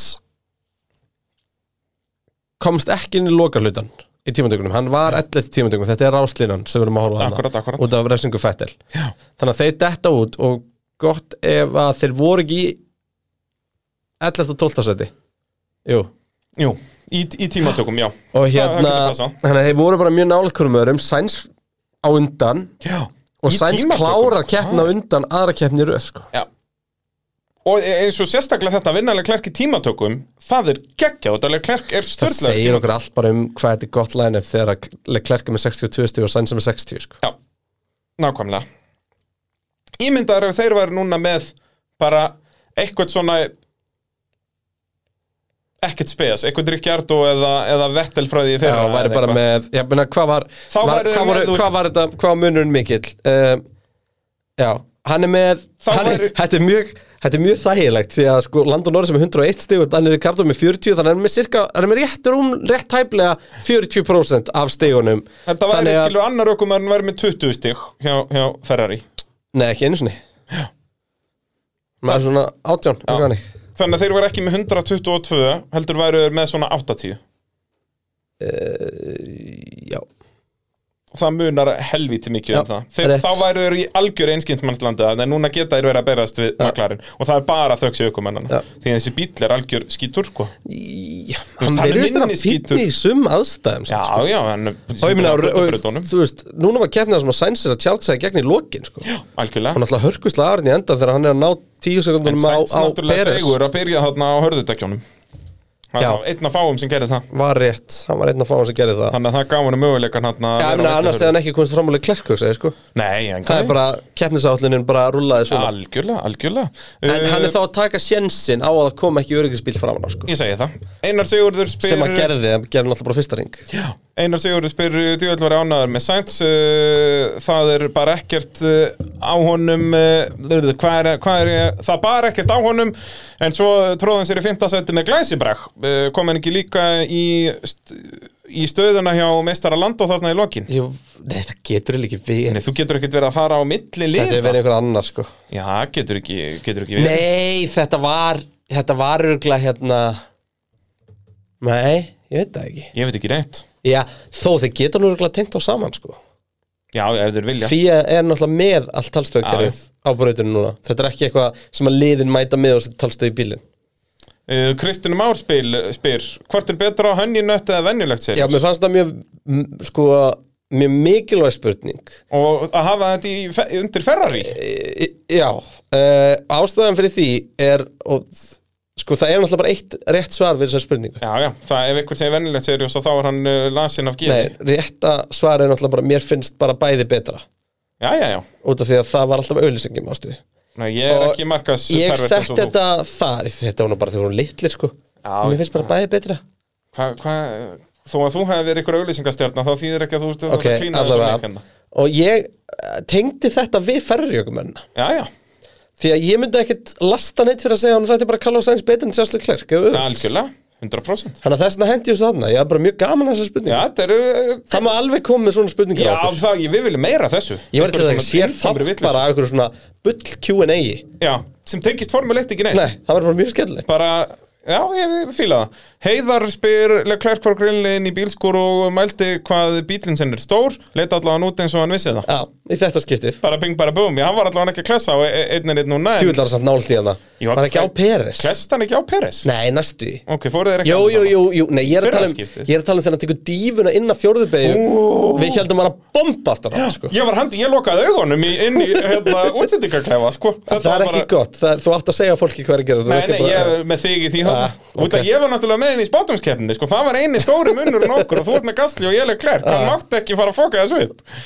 Eh, Kristinn Alex spyr eh, var Klerk að kveldskýta alla keppnina hefði, eh, hefði þetta geta gengið upp hjá honum Það var ekki spurning að Norris fengi þessa refsingu Uh, þegar fíadómararnir eru sýndir eftir úrskorinn sést Red Bull ískapur í bakgrunninum Nú, þannig að hann var verið að bera veigar í, í Já, mennuna heldur, ég spottaði þetta reyndar en það uh, Kemur ekkert óvart á Red Bull brautinni, Nei, sko það er meira það sko En, hérna, var Leclerc að kveldkýta alla keppnina, Christian? Nei, sko, eh, sko þetta hefði þetta geng, geta gengið upp hjá hann Er hann ekki að tala um framúrastana? Jú, ég myndi ekki gera það fyrir því. Hefði geta gengið upp á veikari aukumennin Sergio Pérez, já. Já, já, En sko, það sem að Leclerc gerir er það að í þessu brjálæði sinu, þá er náttúrulega bara að rústa hann kemnið sinni Ímyndaði hvað þetta tæk úr dekkjunum hérna. hennar já Já, og bara eins og sérstaklega þetta í setna skipti þetta var glórulust Ég veitum að fara að leiðast að tala um eitthvað dekk og formulegt Já, mér Það er aðalega- geðveikt til í bara keppni þess að væri bara ekkert dekki á þessu Já. Bara sjá eina keppni, kerðu því að prata og getur Ég væri frekar til í að sá keppni þar sem við erum ekki að tala um uh, eitthvað refsingar Brautartakmörk og refsingar já, Ég Ég sama. hata þetta Ég veist, mér þykja refsingar alveg eðlilegar Já, en ef þú það veist, er eitthvað- fyrir hvað þær eru Já. Þú veist, ég, veit, ég er ekki að segja ég vilja fara í hérna bara rallycross á Íslandi það sem er máttbeisli hvað sem er sko. En Það er samt ekki þannig sko það er samt að langleginni það Nei, þú uh, farið í upplýsingatöfla síðustu keppni það er mikið að refsingum Já, það er alltaf bara maður tekur ekki eftir þeim Já, ok. Það er allum drull. Já, nei, þú veist, það fó- fólk ræsir ekki alveg á réttum stað og svo leiðis, skilur en, En, en, það gerist nefnir teldi um helgina líka. já, En hérna, allavega, ferri bara í, eh, eru bara hann á sínum stað og verða bara hann á sínum stað nema að koma eitthvað stórt stökk og Silvestóni er, Silvestóni er klálega braut sem er planað, plönuð uppgreitt hjá öllum, sko. já, já, það er alltaf þannig ja, þannig að það verður áhugavert. Og hérna, já, ef, að- eins og ég segi, ef að Red Bull pakkar Mercedes aftur þar þá erum við í bastli, sko Já. Það er bara svo leiðis Pitturinn að sjálfsögðu bóði Viaplay Hvað ert þú að vinna með á Viaplay þess að dagana, Christian? Herðu, þessa helgina er ég, nei, ég náðu ekki að tjekka á neinu bara. Ertu að meina þetta? Já, ég er er ekki, að meina bíddu, Er ekki komin undan úslit og eitthvað að kopa Amerika? Jó, ég er reyndar alveg búin að fylgast aðeins með Copa America. Já. Brasilíu í gæri og eitthvað. Húi En hérna... Stefnir þetta ekki í Brasil og Argentína í úslit? Það verður rómdir úslitaleikur Já, wow. Það er nákvæmlega svoleiðis Já. En brandurinn, ég er nú ekkert í þessum íþrótta rögli hérna Ég hendi í Pulp Fiction í síðustu viku eins og þú varst búin að sætla minninga eins og ég lofaði hlustendum Og hún, er, hún bara verður betri í- því ofta sem maður horfir á hana Ég, Ég var bara búin að horfa á hana bara stanslu síðan Já, lengur við sko, þetta er bara út af eins og ég segi Ég var ekki búin að horfa á hann í eitthvað 5 eða 10 ár sko Og, og, og djöfisins veistla sem þetta er e, Sko krakkarnir eru konin í, í sumafrí sko Þannig að það er svolítið búið að vinna með uh, Fixi og eitthvað svona held ég að Já, heiti þú ert að vinna með Það það er bara fullt af batnið um það ísli sko Já, það er enda rétt Já. uh, En ég uh, sá spennu þetta þarna sem ég er að pæli að fara að kíkja á Sem heita Stumptown Herri það er verið að mæla með þeim við mig Það er svoleiðis Já. Kem, er, það- Kemur hann bara upp, ég er nefnilega Bara sá nýjar mynd- þáttaræðir, Stumptown Þetta er líka með okkar konu Kobe Smulders Sem að uh, fólk þekki kannski úr Háa mitt um öður, hún leikur Robin Í alvörunni Það var auðvitað skotin í henni maður Já, heldur betur Og svo var náttúrulega var hann í Avengers líka Lekk hann að sidekickið hans Æ, ég er eh, ekki Samuel L. Jackson Þú ert ekki í því Nei, Samt ég... ég þetta svona tölvuleikja pleppi og Já, svona ég sko, og ég er Star Wars plebbi og eitthvað Já, sko. ekki En Avengers ég hérna Nei, bara allt þetta superhero dæmi Já, Bara flög yfir mig það er svoleiðis þú veist, ég, ég fór ég, ég horfði á hérna uh, Transformers fyrstu Já Fyrsta var góð og ég tjekkaði náttúrulega að sjálfsögðu á hérna á uh, Batman hérna, Já, Dark Knight er náttúrulega Dark Knight. Það er ekkit ofrýtti myndir Það er bara gritt í spennumynd já en þú veist þetta hérna Iron Man og þú meikar það Avengers ekki. og, jú, jú, þetta bara flög einhvern veginn bara yfir hausin á mér En það voru þetta svo Ég fáar reyndi að horfa á myndir okkar Spiderman einhvern veginn um daginn sem var bara eitthvað svona, það sem hann er bara krakki og þetta var eitthvað svona dæmi sem hann var kveikt á og svo bara sopnaði konu minni, ég bara einhvern veginn kláraði hana Var þetta, sérst, of, var þetta Into the Spider-Verse Svona teknimyndin Nei, nei, nei, rólegur Er þetta bara með braskagæjanum hann Já, nei, Spider-Man þú veist, þetta er bara eitthvað er þetta ekki bara annað sem að síðan kemur Miles Morales mynd hennar dæmi hérna og eitthvað dót Ég þekki, þetta er ekki á Viaplay, þannig að ég veit ekkert hvað Já, það það er er að fyrir þetta, sætla Nei, minninga Við erum að tala um Viaplay sko til að tala um þættið og Síðan drastum hérna, er þar og ég, síðan ég byrjum við bara að tala um opnaði eitthvað annað ég opnaði við að bleina þess núna og ég var að sjá einna sem ég er að spá í að þetta ei, ég er með lúmst ég veit ekki hvað ég á að segja sko bara, þú veist, þetta, þetta er nánast pervertismi sko, Bara fetis uh, áhuga fyrir Norður Kóri Já, og ég er að sjá hérna að það er þáttur sem fær 8 á E IMDb Inside North Korea's Dynasty wow Þannig er KSL-urinn að fara fyrir upp í tíu í kvöld eh, meðan þú ert að vorkina sjálfið þér eftir Pfizerinn það getur mjög vel, ég ætla, byrju Þetta er einhver Hvernig- þumind add to watch list, hérna, Wow. donate a plusin Eigum við þá að tala um Alfa Tauri Honda Já sem hvernig væri að eh, það? uh, Alfa Tauri Honda látum okkur sjá Þeir skutu þessu í, í Já, báðar sko, þeir lappirnar. gerði frábærlega í tímatökum Samt Svo ekki. frábærlega í Q3 að það er óskiljanlegt að það ekki drullast í gegnum Q2 á, mjúk- á milliðurudekjunum Já, Því að þeir byrja á mjögundækjunum sem er gjössalega vonlaust Já. og þú veist, við erum að tala um að Gasti hann startar sjötti, klára níundi Sonota startar sjöundi, klára tólti og þú veist, eina sem Sonota gerði vel var að keira á hvíta línur jep og Hann er vanur því líka, þú veist að fara út fyrir brautir og svona Hann sér bara ekki línunar, hann þarf að sitja af, hann að en skála af hverju? Þú veist, það gerir þetta engin annar nema hérna þú veist, meira þess að Viljamas gerir þetta ekki, sko Já, já þú veist, Þar að segja að þarna ertu að tala um dekkinu tímatökum já, já. Út að þetta er alveg farulegt Út að þá, þarna var- þeir eðilögu bara keppna sína 100% Já. Það er ekkert fráknæðið það Og það hérna Og hversu oft Rökk hefur við sagt rökk þetta yfir um Alfa Tauri? spyr hérna mynda þessu Exuð Alfa Tauri og Aston Martin sem út úr topp 10 þessari keppni Nei, það fari ekki að medium deck Q2 Sko, Stroll Já, byrju, þeir voru bára mjúku líka Já, þeir byrjuðu Já, fjórir þeir á mjúku. Exuð þessu, ég meina já Þú veist, þetta er ekkert flókið En þú Gastli, hann ræsir hérna sjötti Klára níundi, Sonota ræsir sjöundi Klára tólti Um, Landstról, ræsti níundi, klára þrettandi Fettel, ræsti ellesti, klára söndir en það var hann held ég hann í tólta hann var í tólta Já, þeir Já. eru Nei, þeir voru- eru all- allir að berjast um hann 11. Já, þeir eru allir að berjast um 11. sæti, já. Russell, Russell var komin nýri Fettel er að fara fram úr Kimi sem var í 12, var það ekki þannig Frek, Nei, var það öfugt Rækunnen og Fettel er að berjast um 12. Já, Russell einmitt. er kominn í Þannig ég er bara að 11.. segja, þú veist, hvern, hvað er þessi gæðir endað einmitt, þannig að Juki hefði þá endað 13, þú veist, Já. hann er alltaf parið það bara, þeir fjallu allir bara niður í 5 Já. sæti En sko, te, þeim til varnar og þá gerði allir ráð fyrir að þetta væri tveggjastoppa keppni eða svona, og þá hefði þetta meika miklu meiri sens Já. En síðan endaði þetta á að vera einstoppa og þá náttúrulega voru þeir alveg í En skýtum þú veist, Alfa Tauri fara frá Östuríki með 2 stig Já. Eftir að hafa stærst Þrjú stig, þrjú Sjöttu stig. og sjöðund Nei, ég er ég er að tala um báðar Östuríki kemnar Juki náði eitt um síðustu helgi Nákvæmlega. Gaslin er í 2 núna og við erum að tala um, þú veist, keppni þar sem að sko ég, ég held að Gaslin myndi klára sko jafnvel 50 Já, algjörlega, og bara báðar keppnar, skilur Að Þeir voru með alveg góðan bíl og þetta er alveg svo ímóla Þeir voru hann á fullvett ekki með okkur Alltaf þegar þeir sjá að þeir eiga eitthvað tækifæri þá þá fara ætti- þeir það bara í alltaf eitthvað verið að- kerfi það er alltaf bara, herru, við verðum bara að reyna að vinna eins og við gerðum á, Já. í, á Monsa Þetta er eitthvað þannig, skilur, út af því að þeir ættu núna að vera langt á undan Aston Martin Þeir eru núna Ég- fjórum stegum á Ég undan er ekki að guttur þetta Þetta er alveg fáralegt út af þeir eru með góðan bíl Já.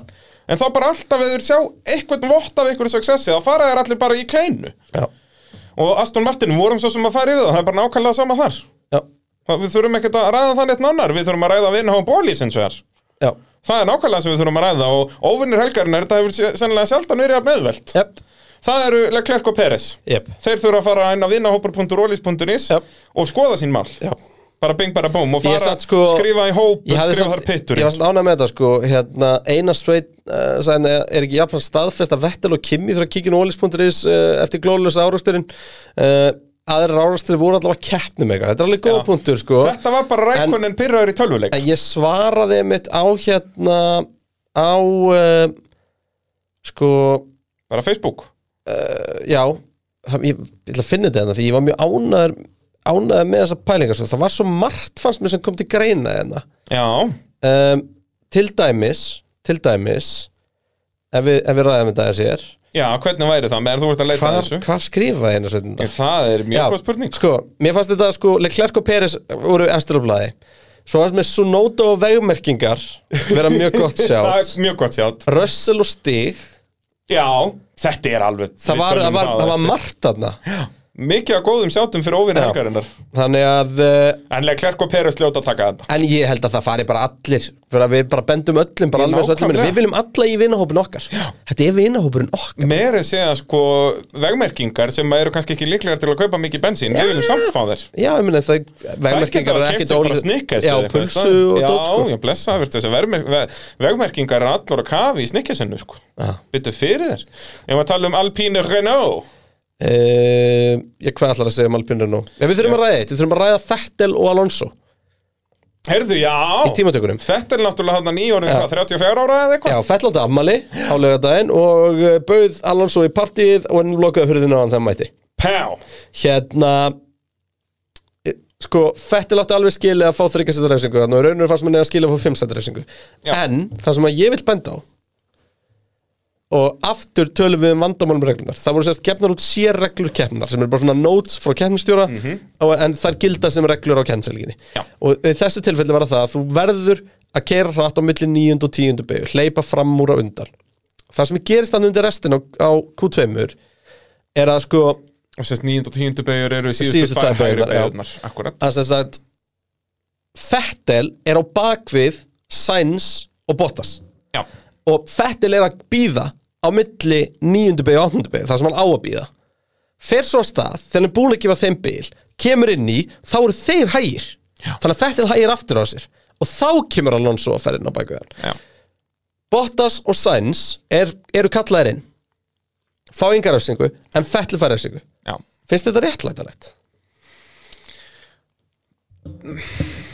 Sko, ég er sammálaður, Vettel átti alltaf að fá refsingu En, jú, þyrfti, ekki að, þyrfti þeir ekki að fá refsingu líka Ég sko, við erum alltaf að tala um þetta hvort er það brotið eða afleiðingin sem á að Já, refsa já. fyrir Það er nákvæmlega var ekki bara refsa fyrir afleiðingar um helgina? Jú, Er það ekki? Í öllu dóti var ekki bara refsa fyrir afleiðingar jú, jú Það er Það er nú erum við að tala svoleiðis. með það áttu tveir aðilar Mhm. þátt í málunni Já, já Það er, það er akkurat Þú veist það var möl, þess vegna var refsað Já. Alonso kemur, þess vegna var refsað, hans er yngur refsað mm Mhm. -hmm. Ég þólið ekki En náttúrulega eins og- eins og í tímatökum að þá náttúrulega meikar alveg sens að gefa refsingu bara ef það er Þú getur ekki bara verið að gefa öllum refsingu sem kera hægt Jú, það var bannað að kera hægt á milli 9. og 10. beig Jú, alveg rétt, og þetta er sérreglur, já. Já. Það er góða punktur Og líka náttúrulega út af eins og Fettel var alveg þarna fyrir aftan Þeir voru að hægja á hann um það Já. bara óbeint, kiluru Þó hann var ekki, já, þetta er, þetta er mjög góða punktur Já, ég held að Út af að það voru sérreglur En uh, Fernando Alonso, 14. í tímatökum náða að vinna sig upp í síðasta stígasæti eftir minnilega með því að hyrða það af George Russell Jep Og Alonso var bara fljúandi þarna, þetta var bara vel gert bara hann í restina Esteban okkur eins og er ræsti 17. fjalluleik í þrið- þriðju Þriðju beygju. beygju, út í þriðju beig Fór stýrisendi hjá honum, hann fer Það utan. var ansi langt sinna okkur að þessi stig ekki náðu Jú, stigum síðust það- helgi Nei, nei, hann hefur ekki náð sér í stig síðan skrifandi nýjan samning fyrir Frankland Það er það nokkuð Hann datt út í Fraklandi Nei, datt hann út, var hann ekki bara 17 eða eitthvað, ég man þetta ekki Ég, eins og ég segi, ég er Hann datt dónýtur. út, hann datt út í Bakú skeit í Fraklandi datt út í Q3 bæði Já, í báðum Östuríkiskapasturunum já Það er bara skita Hann er bara með allt niður um sig, blessaður Eh, Og Alonso loksins farin að finna mótjóðu sitt Og er að koma þessum alpínbíl bara ágætlega áfram Hérna Já, Geirlógi spyrir mig þetta Pæling með Alpine hérna, er okkur hann skýtur på bak eða er þetta Alonso að draga bílinn ofar en hann á að vera Sko, bíl kemst aldrei hraðar heldur en að aukumærin er að koma já. já, en þú veist, þú skilur samt hvað hann er að minna Alonso er að gera mjög vel held ég Ég held það nefnilega líka Ég held að Alonso sé bara með mojóðu sitt og bara Hann er búin að finna mótjóðu Djúvill var hann brjálaður út í fættilanda Já Ég bara- skiljanleg. Já, 100% út Þetta af því var að líka bara hann, hann hefði hættulegt, komist sko. upp í Q3 Ég hætti var líka bara hættur Já, já Og líka þú að keira eitthvað vonlösan alpín og ert að já, finna mótjóðu þitt að þetta ert í toppmálum Eh, Alfa Romeo Alfa Romeo Racing Ferrari, meinar sext, uh, Kimi Rækonin 16. tímatökum Giovinazzi 15. Kimi Rækonin 15. keppni Giovinazzi eh, 14. keppni uh, ekkert að frétta, ekkert að tala um ekki neitt nefnum bara Kimi Rækonin í Já, endan það verður með nóga spurningum sér ég. Egil Fabian spilina þarf gamli Kimi orkudreik í miðri keppni svo að ná að halda út já, eða bara þú veist að fá að leggja sig held ég Já, bara eða fá ís já Fá ég er enda einhvern sko, ég lærið það ekkert minn í veiði sko, þegar maður er að gera þessa heimskulega hluti sem ég reyni nú að hætta þetta, að fara eitthvað að veiða allan daginn, vera að veiða fram undir nóttu, eitthvað, lapp, eh, fram undir nóttu, lappa svo í bílinn ógslað þreyttur, pakka til saman og alltaf kerast það heim og vera bara við það, bara vera of þreyttur til að kera, að sem sagt orkudrykki ger ekki jack fyrir mig besti orkudrykkurinn, að bara fá sér eitt stóra jarðabirasík, Það er svoleiðis kaldur, sigur, prótein Wow. fita, Það er, það er málið sko Einn góð hugmynd Og klassíski dagur til að gera það Og no joke Er ólís í borgarnesi Og beðalans óhæringin Vá, heyrðu, þetta er þetta Ísvélinni í gangi. virkilega, virkilega gott sjátt Þú veist Og þetta er, þetta er, þetta er ekki sko Þetta er Þetta er- ekki skrifablögg Þetta Nei, nei. var bara raunverulegt Þetta er bara raunverulegt, uh, þetta er bara uh, stað, staðrind málsins Já. Það er nákvæmlega svoleiðis Uh, Kolbett Karl spil uh, á skalar með til tíu hversu sloppi voru þessi mistökar ækonin þegar hann og Vettel lenda saman uh, Er komin tími fyrir kallin að hætta Þetta var svo 100% rækunin Já, já, algjörlega Þú veist þetta- Hvað var hann að gera? það er uh, eins og ég segi, hann hefur sopnað bara við stýrið er komið tími fyrir að hætta? Nei, ég minna hann, þetta er Hann vissulega- hætti bara þegar hann vill hætta Já, og ég minna það er ekki eins og að veist, hvenær sáum við svona mistök síðast frá Ég held Kimi? samt að hann hætti eftir þetta tímbil Já, Ég satsaði líka fyrra og ég hitt fyrra já, reynd Mjög góða punktur Ég var eitthvað að halda því áfram því ég var svo glata Nei, hann er ekkert að fara að hætta Kimi Rækonen retires Ég er bara svo að hissa hans ekki farin að gera eitthvað annað sem hann langar til Hann honum langar ekki að gera neitt annað en að kera formúlubíl Heldur hann langar ekki til rally aftur eða? Já, hann er náttúrulega of reyndi gammal það. til að fara í Já, og var ekkert sérstaklega góður heldur Hann hafði alveg orðið góður hafa hann haldið áfram Hann var í tvö tímabil skilur og hann náði alveg einu og einu fimmtasæti og eitthvað Já, reyndar Svo Þannig að hann var ekkert lélegur krossaði hann í hinu kjarnan Já, hann var svolítið duglegur í því eins og bara allir nýlegar uh, Guffi spyr eh, interneti gera góða tilhörin til að gera Kimi að dræfur þetta degi þeim tilgangi að eh, fá hann í þessu nýju yngarviðtöl Það Ha. verður mikil veistla og við verðum Sérstaklega að gera það þarna. einhvern tíman Ha. já, það er hund- já, þegar hann er sitjandi út í malarkrifju Kimi, you're driver of the day What? How did you? Hey, who is this? Who is this? Tjóðlega ertu góður í Kimi eftir hérna Þetta var vel gert uh, uh, Kimi endaði annar í, í valinu Ekki vannmeta mátt internetsins Og við munum náða þessu eitt daginn Hvað engar ágjör að því Hvað finnst ykkur um þessi nýju viðtöl Persónulega er ég ekki hrifin að þessu Finnst þetta að vera hálfforst og öruglega Eitthvað sem ökumæður væri til að sleppa við Svona fyrstu eina, tv- eina til tvær mínúturnar eftir keppni Edith eh, hefði samt alveg verið til í Kimi dræfið þetta viðtal Sko, ég er ekki sammálega með geta leðilegt sko En Mér finnst þetta ekki ekki En þú veist Mér fannst, mér fannst ekki skemmtilegt þegar Max var valinn driver of the day fyrir nokkrum dögum með nokkrum, var ekki bara síðust helgi Jú, þú veist, hann var bara boring, fattur Já, já. en þú veist, Fettil í Baku, ógislega skemmtilegt Já. við hafum mjög gaman að hér í landu núna og þannig að þetta, þetta, þetta, þetta verður bara jafn skemmtilegt og önnu viðtöl, það fer bara eftir í hver viðmælindin er og í hvað stuðan er sko. Mhm. og þá líka, Þú veist, og þetta er Vettel- líka Vettel Við dæmi erum var- að velja þetta skilur Já, þú veist, Fettil dæmi var með því skemmtilegast sko. Já. Nei, mér finnst það gaman, mér finnst líka bara gaman þú veist, það mun einhvern tímann einhver missa eitthvað út sem hann má ekki segja og eitthvað svona dót, sko. Og líka eins og segja, það eru við sem erum að velja þetta og það er það sem gerir þetta skemmtilegt að við getum valið bara rækunin og hann klára talandi um þetta, eitt sem ég saknaði um helgina sem ég vilja fá meira af ég vilja fá samskipti liðana á fía Já, það var ekkert, kannski Nei. var bara ekkert juicy í gangi Jú, 100% ég veist að það verið oftjúsi Kannski Maður spyr sig, ég var að tala um Williams Mercedes Já, sko, ég ætla bara að byrja að selja Niklas Latí fyrir aðstu áttundi, kláraði 16. Ok, því ég veit alveg hvað við þurfum að tala um Þessi tímatökur yngur og Jones Russell að koma sér úr Q2 var gjössanlega geggjaður Já 100% Russell bara, og bara uh, geggju helgi hjá honum Já, fyrir utan það, hann er bara búin að koma sér á sinn venjulega stað á fyrsta ring, sko Já, Það er bara þetta fallið niður í 12. sæti eða eitthvað. Hann var agalegur á fyrsta Já, það er rétt Þar er raun og verið tapast þetta að stórum hluta hjá honum, sko Og það síðan eins og þú segir, hann endar hann 11 eftir bara eftir að það er dettur niður í 12. sendi eftir fyrsta ring Hörður Haldunarsson spyr hérna uh, George Russell, hvað getur maður sagt? Er þetta ekki mikið hæp í kringum hann? Hann virðist ekki geta neitt í keppni Hvað kom fyrir hjá hann við byrjun dattur áttandi hann er í 14. Já, ok, svo Svo getur hann þakka Fettil fyrir að hafa hægt á Alonso í tímatökunni annars hefði hann verið 11 og ekki komist í Q3 Það er reyndar hárétt og Já, þetta ég er góð punktur. kallaði það einmitt strax og þetta þýðir að Russell er komin í gegn en uh, Alonso tók sæti árum bara í staðinn Já, algjörlega Sko, ég- ég lélegur hérna- í keppni, jú, þetta var lélegur ég man fyrstiringur ekki, ég man ekki, var hann ekki bara eitthvað hann í tengslum við uh, hérna var hann ekki bara eitthvað í tengslum við okkon, nei það var aftar Veistu, ég man ekki eitthvað kom fyrir hjá hann í byrjun Nei, ekki aldur ég man bara, að hann var allt í henni bara komin hann Lélegt, já, já, bara lélegt Lélegar fyrstu tvær begur Og hérna, en er þetta hæp, þú veist, og mikið Ég, Nei. ég veit það ekki, nei, mér veist þetta er ekki gæðin sem var næst í búin að vinna í fyrstu keppni sem hann er mest sett Já, sko. ég, bara ég, parkaði Bottas í braut oftar en einu sinni nei, það er þetta ekki um bara- mikið hæpikring hann, hann er geggjaður, sko, Haukur Sindri spyr hann, Áli við erum líka bara að horfa á hvar liðsfélag hann er alltaf sko. Já, nákvæmlega Það er ekki og það Latifi var ekki eitthvað aukvisi í Formule 2 sko. Nei, nei, það er bara og, og Latifi á ekki breyk og hefur Bara aldrei átt og bara hver, Ég er samt eiginlega komin á það að Latifi muni skora stiga á undan Russell já 100% bara eins og Kúbika Kúbika skoraði stig Já. á- á- hann í Þýskalandi en Ja. ekki, e- ekki Rössal Því að sko, Latifi var alveg ofta en einu svona endað í 12. sæti og eitthvað, sko. Já, já, ah. algjörlega Haukur Sindri spyr, hefur Rössal geta gert betur í einvíinu við Alonso á síðustu ringjónum þarf Latifi ekki að fara að rýma sér í gang Sko, ég nenni ekki sem svara sér Latifi spurningu En nei, Alonso var bara Var mikið all over hraðari, him. já. En það var flottur slagur og hann síndi Já, Russell- slagurinn hjá Russell og Alonso síndi hvernig hann var að berjast í 4. og 5. vegi sem að Leclerc og Perez og Norris kunn ekki Algjörlega, bara Þannig að- þólimaði, það er bara svoleiðis en Rössal gerði, mér fannst þetta vel gert hjá honum hann á haldunum svona lengi fyrir aftan sig uh, Hvað? Ehm, Nökkvi okkar maður Uh, hann spyr uh, hvað finnst ykkur Russell ætti að gera, ætti hann að taka annað sísona Williams eða væri til að sjá hann fara annað ef já, hvert myndu við vilja sjá hann fara það er náttúrulega sko, sko, McLaren eins og staðan er akkurat núna þá á hann að gera það sem að Mercedes vill já, Þú veist, því að hann, hann, hann getur ekki verið að fara neitt annað sko.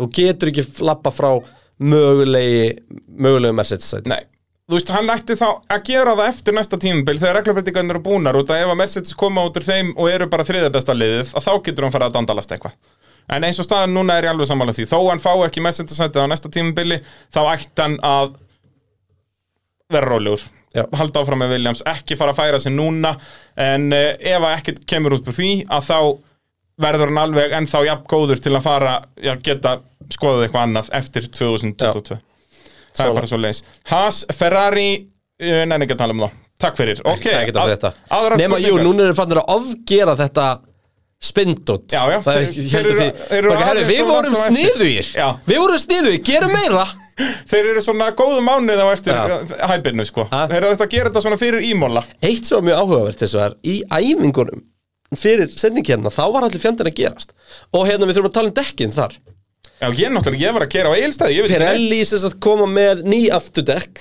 til þess að, sem eru með sterkari börðum og allt þannig, til þess að tryggja að uh, hérna það verið gerist ekki aftur á sama og gerist í baku þannig að það verið nú að taka fyrir kantana á dekkjunum hliðana Banarnar, og, sti- banni- og banna ban- og, og Banana. styðja styrkja þá en þetta þýðir að sjálfsögðu ekki samt sem áður að það hefur nokkur hlutur verið að Pirelli dekkjunum í baku alls ekki, Nei, alls nei, nei, ekki. þetta Hvað er lætur- hvað lætur þið halda það? og af hverju þeir eru að gera þetta það er bara tilviljun Já, alg, algjör tilveljun að styrkja dekkin núna tengist ekkert því Nei, og því að eins og nei, allir nei. vita þá var þetta kvorki liðunum að kenna né né Pirelli Og koma líka með þetta núna fyrir Silveston Þar sem að uh, Pirelli hafa oft lent í skýtnum En þetta er samt algjör Já. tilveljun Herri, við erum með nokkra spurningar hérna sem eru svona random Herðu, já, það er allt En morandi ég ætla að spurning. byrja á að tala um það að það er búið að sem sagt, ástralíu kapastunum minn ekki fara fram á þess tímbli Það er svo leiðis, skjálfest, ussu, ussu, þinglýst. ussu En það er ekki búið að annánsa hvað kemur í staðinn Nei, en það er það langt í hana það er, Já, já En ef við, svona tala um hérna, f- ef við vorum að tala um þetta Það er komin til Asíu, það er bara líklegt Verður ekki bara eitthvað annað Shakir Var Kína eða- komin aftur inn? Ja? Ég er bara reynlega, það get ekki mann það ekki en, en alltaf þú veist við höfum bara kíkjum, kíkjum bara á það, hvað er hérna uh, schedule-ið Hilmar Vegar nei, byrju, klá, klárum þetta Nú, já, já schedule-ið Ég ætla að sem vera sagt, multitaska og vera Ástralía sniðugur. átt að vera 19. til 21. november helgja sérst keppnin á undan er 50. til 7. í Brasilíu svo kemur bara Saudi og Abu Dhabi Djúð var ekki ekki að fá bara tvær Brasilíu kemnir já, wow það var líka Við verðum alltaf að gera rigning í það. annari sko Já, 100% Vá, það það verður að gerast já Það verður að gerast, það er bara svo leiðis Vest með að það verður stólið öllum bílónum í þessum tveimu vikum á milli En við verðum að lifa með því Já, það er verða bara að senda þá bíla þangað en hina bíluna til Ástralju Já, eða þangað Til, já, ég held til að vera, Saudi. vera, held að vera, vera svo leiðis Og náttúrulega, vorum við búin að tala um að Tyrkland var komin aftur inn? Já, Já, já, við tölum um það síðast við gerum það svo Staðfest. sannlega Þetta verður, sko, Þetta verður vá, geggjað. Þetta er, þetta er geggja rönn hérna Ok, sem sagt, núna framöndan Tjúlega er mikið að skemmtilega bröndi framöndan Ok, við erum alltaf með Silveston næst, hún er góð Ó já, Þar á eftir Ungarland ó já og svo Um er Vestló. Spa Já, spa er eftir sumafrís, en það er í loka ágúst fyrir ekki já, Ungarland og Vestló ok, svo kemur sumumfríð, þá fáum við Belgíu, Holland, Monza Húi, já, Holland kemur á milli back to back, triple header Sandvort þarna, grjótnart um, svo kemur Rústland Ný, akkurat, en svo fáum við Tyrkland, Japan Austin, Mexiko, Brasilíu áttum svo að fá Ástralíu já En fá bara vonandi annað Brasilíu já, Brasilíu, og svo fáum við Nýjabrödd Nýja Abu Dhabi Ný, nei, nýju státti Arbíu Já, alveg rétt, já Þetta gæti, allt í hennu gæti bara þessi lokasprættur orðið drullu skemmtilegur sko. Já, líka geggja að fá Suzuka aftur inn maður Húi Það er svo geðugbröð Það er bröð sem mig langar að gera Já, ú, Ég held að það sé svona bröð, það sem hefur bíllinn að virka Alveg sama hvort þú ert að keira, þú veist Run og Clio köpkar eða Formule 1 bíl það er að þú ert í Bara mótjónu líður bara ógæðislega vel Það er bara flæðið svo geggja Jep. sko.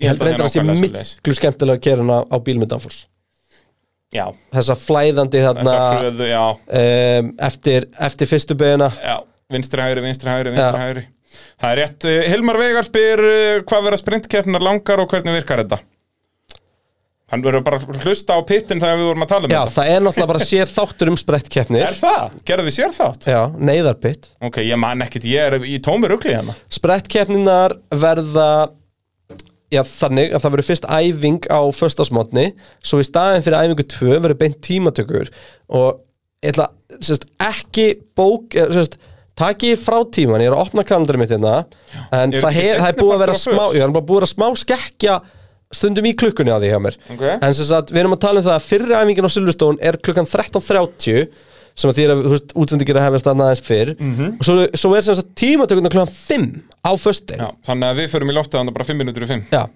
svo erum við að tala um uh, æfingu aftur á laugardagsmotni, það er bara klukkan 11 Já, já, bara og svo venjulegt. sem sagt, sprettkeppni klukkan hálf fjögur Já, ok, þetta Já. er ekki bara sama tíma og tímatökur. Nei, Ok, þetta þannig að færa bara lög. þetta sendir bara aftar og sko og kappastur sjálfur er svo tvö þannig að það kannski er eitthvað svona sumartíma þetta er allt klukkutíma fyrir dæmi, ég veit það ekki ég er alltaf að lendi ykkur Þarf ég að að fara að leiðrétta því það?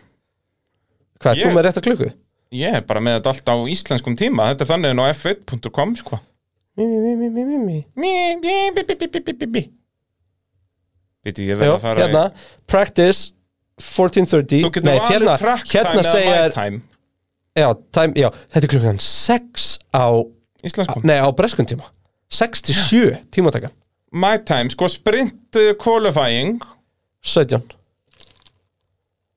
ekki, Nei, sprint qualifying á 15.30 til 16 Á íslenskum tíma ha Jips Já, já, já, já, já, fyrir ekki, ég var að Þú horfa varst að á fara í hina tímatökunar Já, nei, ég er að horfa á tímatökunar Já, það Já. er klón 17 Já. á Eh, íslenskum tíma Einmitt, já, 15.30 Já, Gekkjað á, Það er á eh, laug. laugardeginum Þannig að, Veist, hérna... ég verð ekki með þér, þetta er agalegt Já, þannig að uh,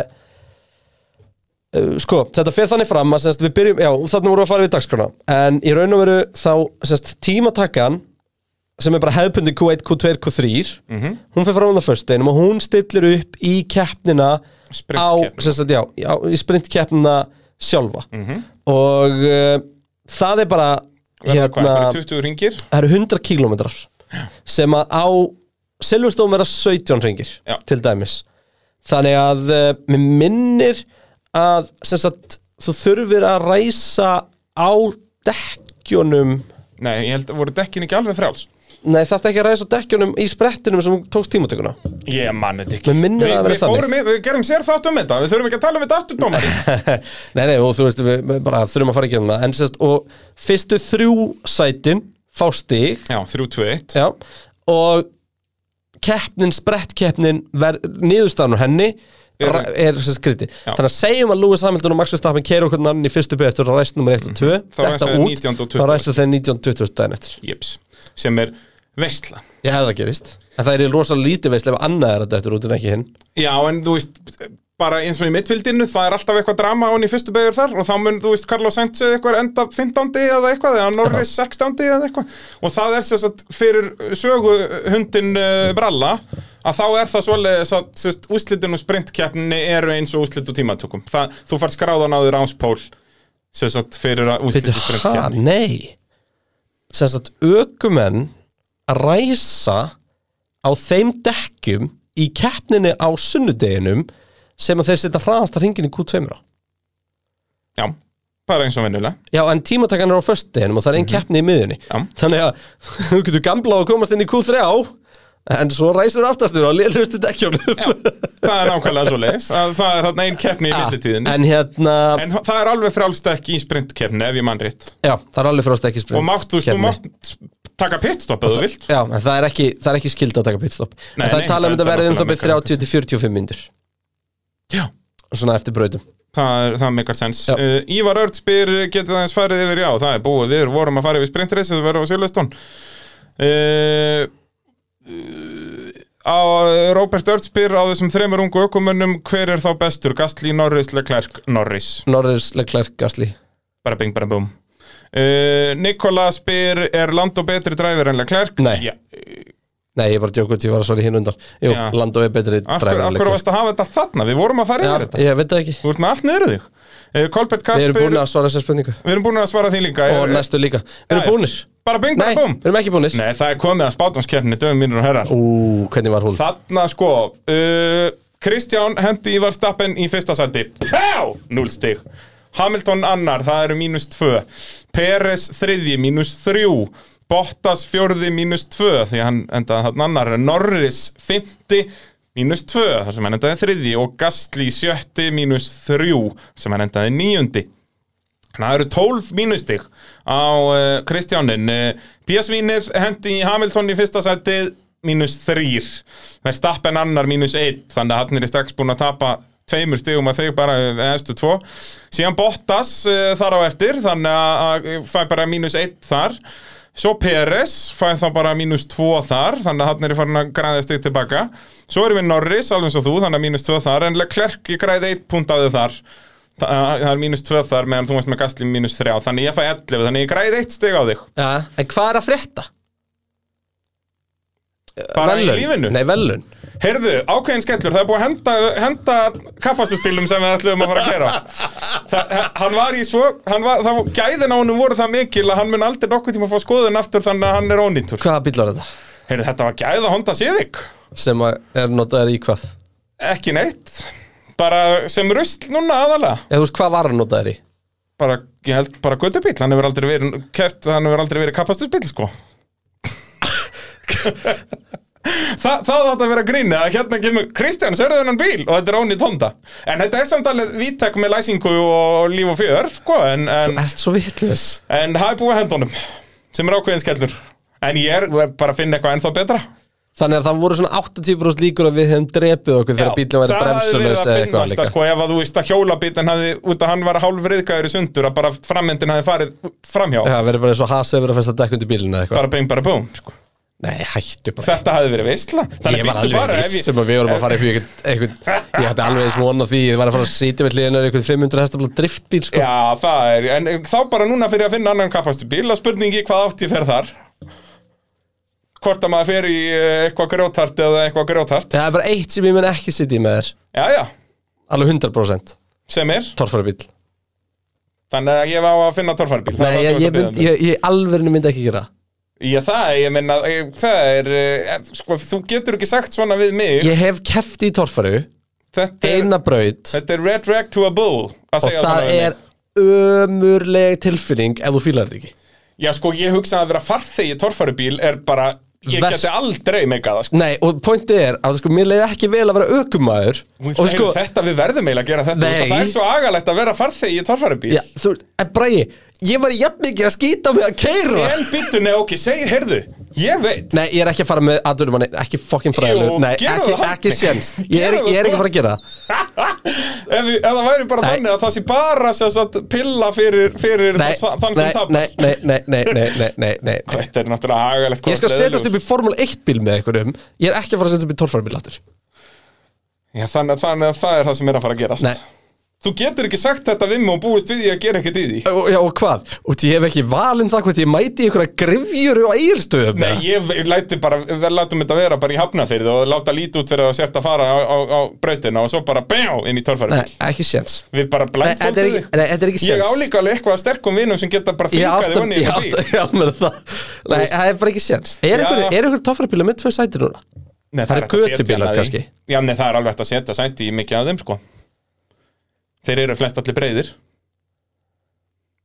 Já, bara glimt þessu Nei, Glimti það er- hugmyndinni Þú getur ekki sagt svona við mig Þetta er eins og ef einhverjum myndi segja ef- Bragi. Fyrst þegar ég kallaði þið káselur Ef það er sagt við mig þá Æ, getur ekki kallað mig þetta, ég vill eiginlega ekki kallað selur Þá myndi ég ekki gera annað en að kalla þið káselur Þú Já, getur en í ekki staðin sagt kalla mig allir bærin og Já, já, en þú veist, þú getur ekki sagt við mig bara Ok, gerðu hvað sem þú vilt, bara ekki gera þetta torfar er, er off-limit Það er svona svo fallivastak, ég bara gera það ekki Nei, heyrðu, það, Það er er samt önnur- að segja það er mjög önnur góð fyndið pæling Ég myndi frekar fyrir fallivastak heldur en í rússi bara Já, ég myndi bara ekki gera neitt að þessu Mér, Ég er alveg nefn, þetta er mjög fyndið út í ég- Þetta var sko, þetta var svona Það heldur gett margir að svona fullkomni dagurinn til að gleðja kappastusliðið væri nú bara að senda strákana saman í skemmtikarinn eða eitthvað Já. Við vorum allir skítrættir í svona dóti því við erum svo meðvitaður um hraða Jep, að það er ömulegt að vera farþi Ég hata, ég hata allt svona rússibanna og ég get ekki einu sinni að fara í vassinunni breytagarð, sko. En mér finnst það skást Já, ég... En mér finnst það samt ekki frábært Nei, sko. nei.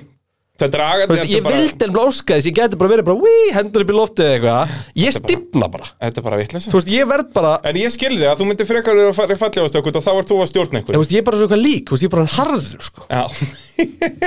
Heyrðu, eh, er þetta ekki komið ágætt? Ég fer að, ég fer að finna Þú einhver ert eftir að spá.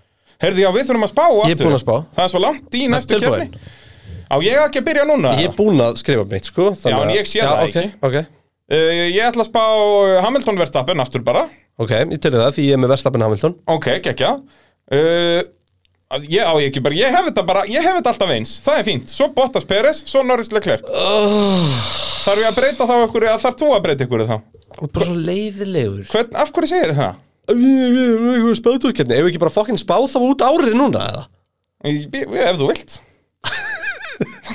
Það er bara, það er, þetta er allt möguleikar Uh, ég er svo sem ekki að finna upp neðin hjól hérna sko En við erum bara, að, við vitum að Norris er alltaf 50 Við getum hægt að spá um 50 Nei, seti það var þriðjum helgina Já, en skilur, við hefum hann alltaf 50 í spanni En þú hendir sænt satna í staðin fyrir Leclerc Ég kann ég að með er það sérst með Verstappen, Hamilton, Peres, Bottas, Norris, Sainz það, ég fíla þetta, þetta er nógu different þannig að þetta er áhugavert Já.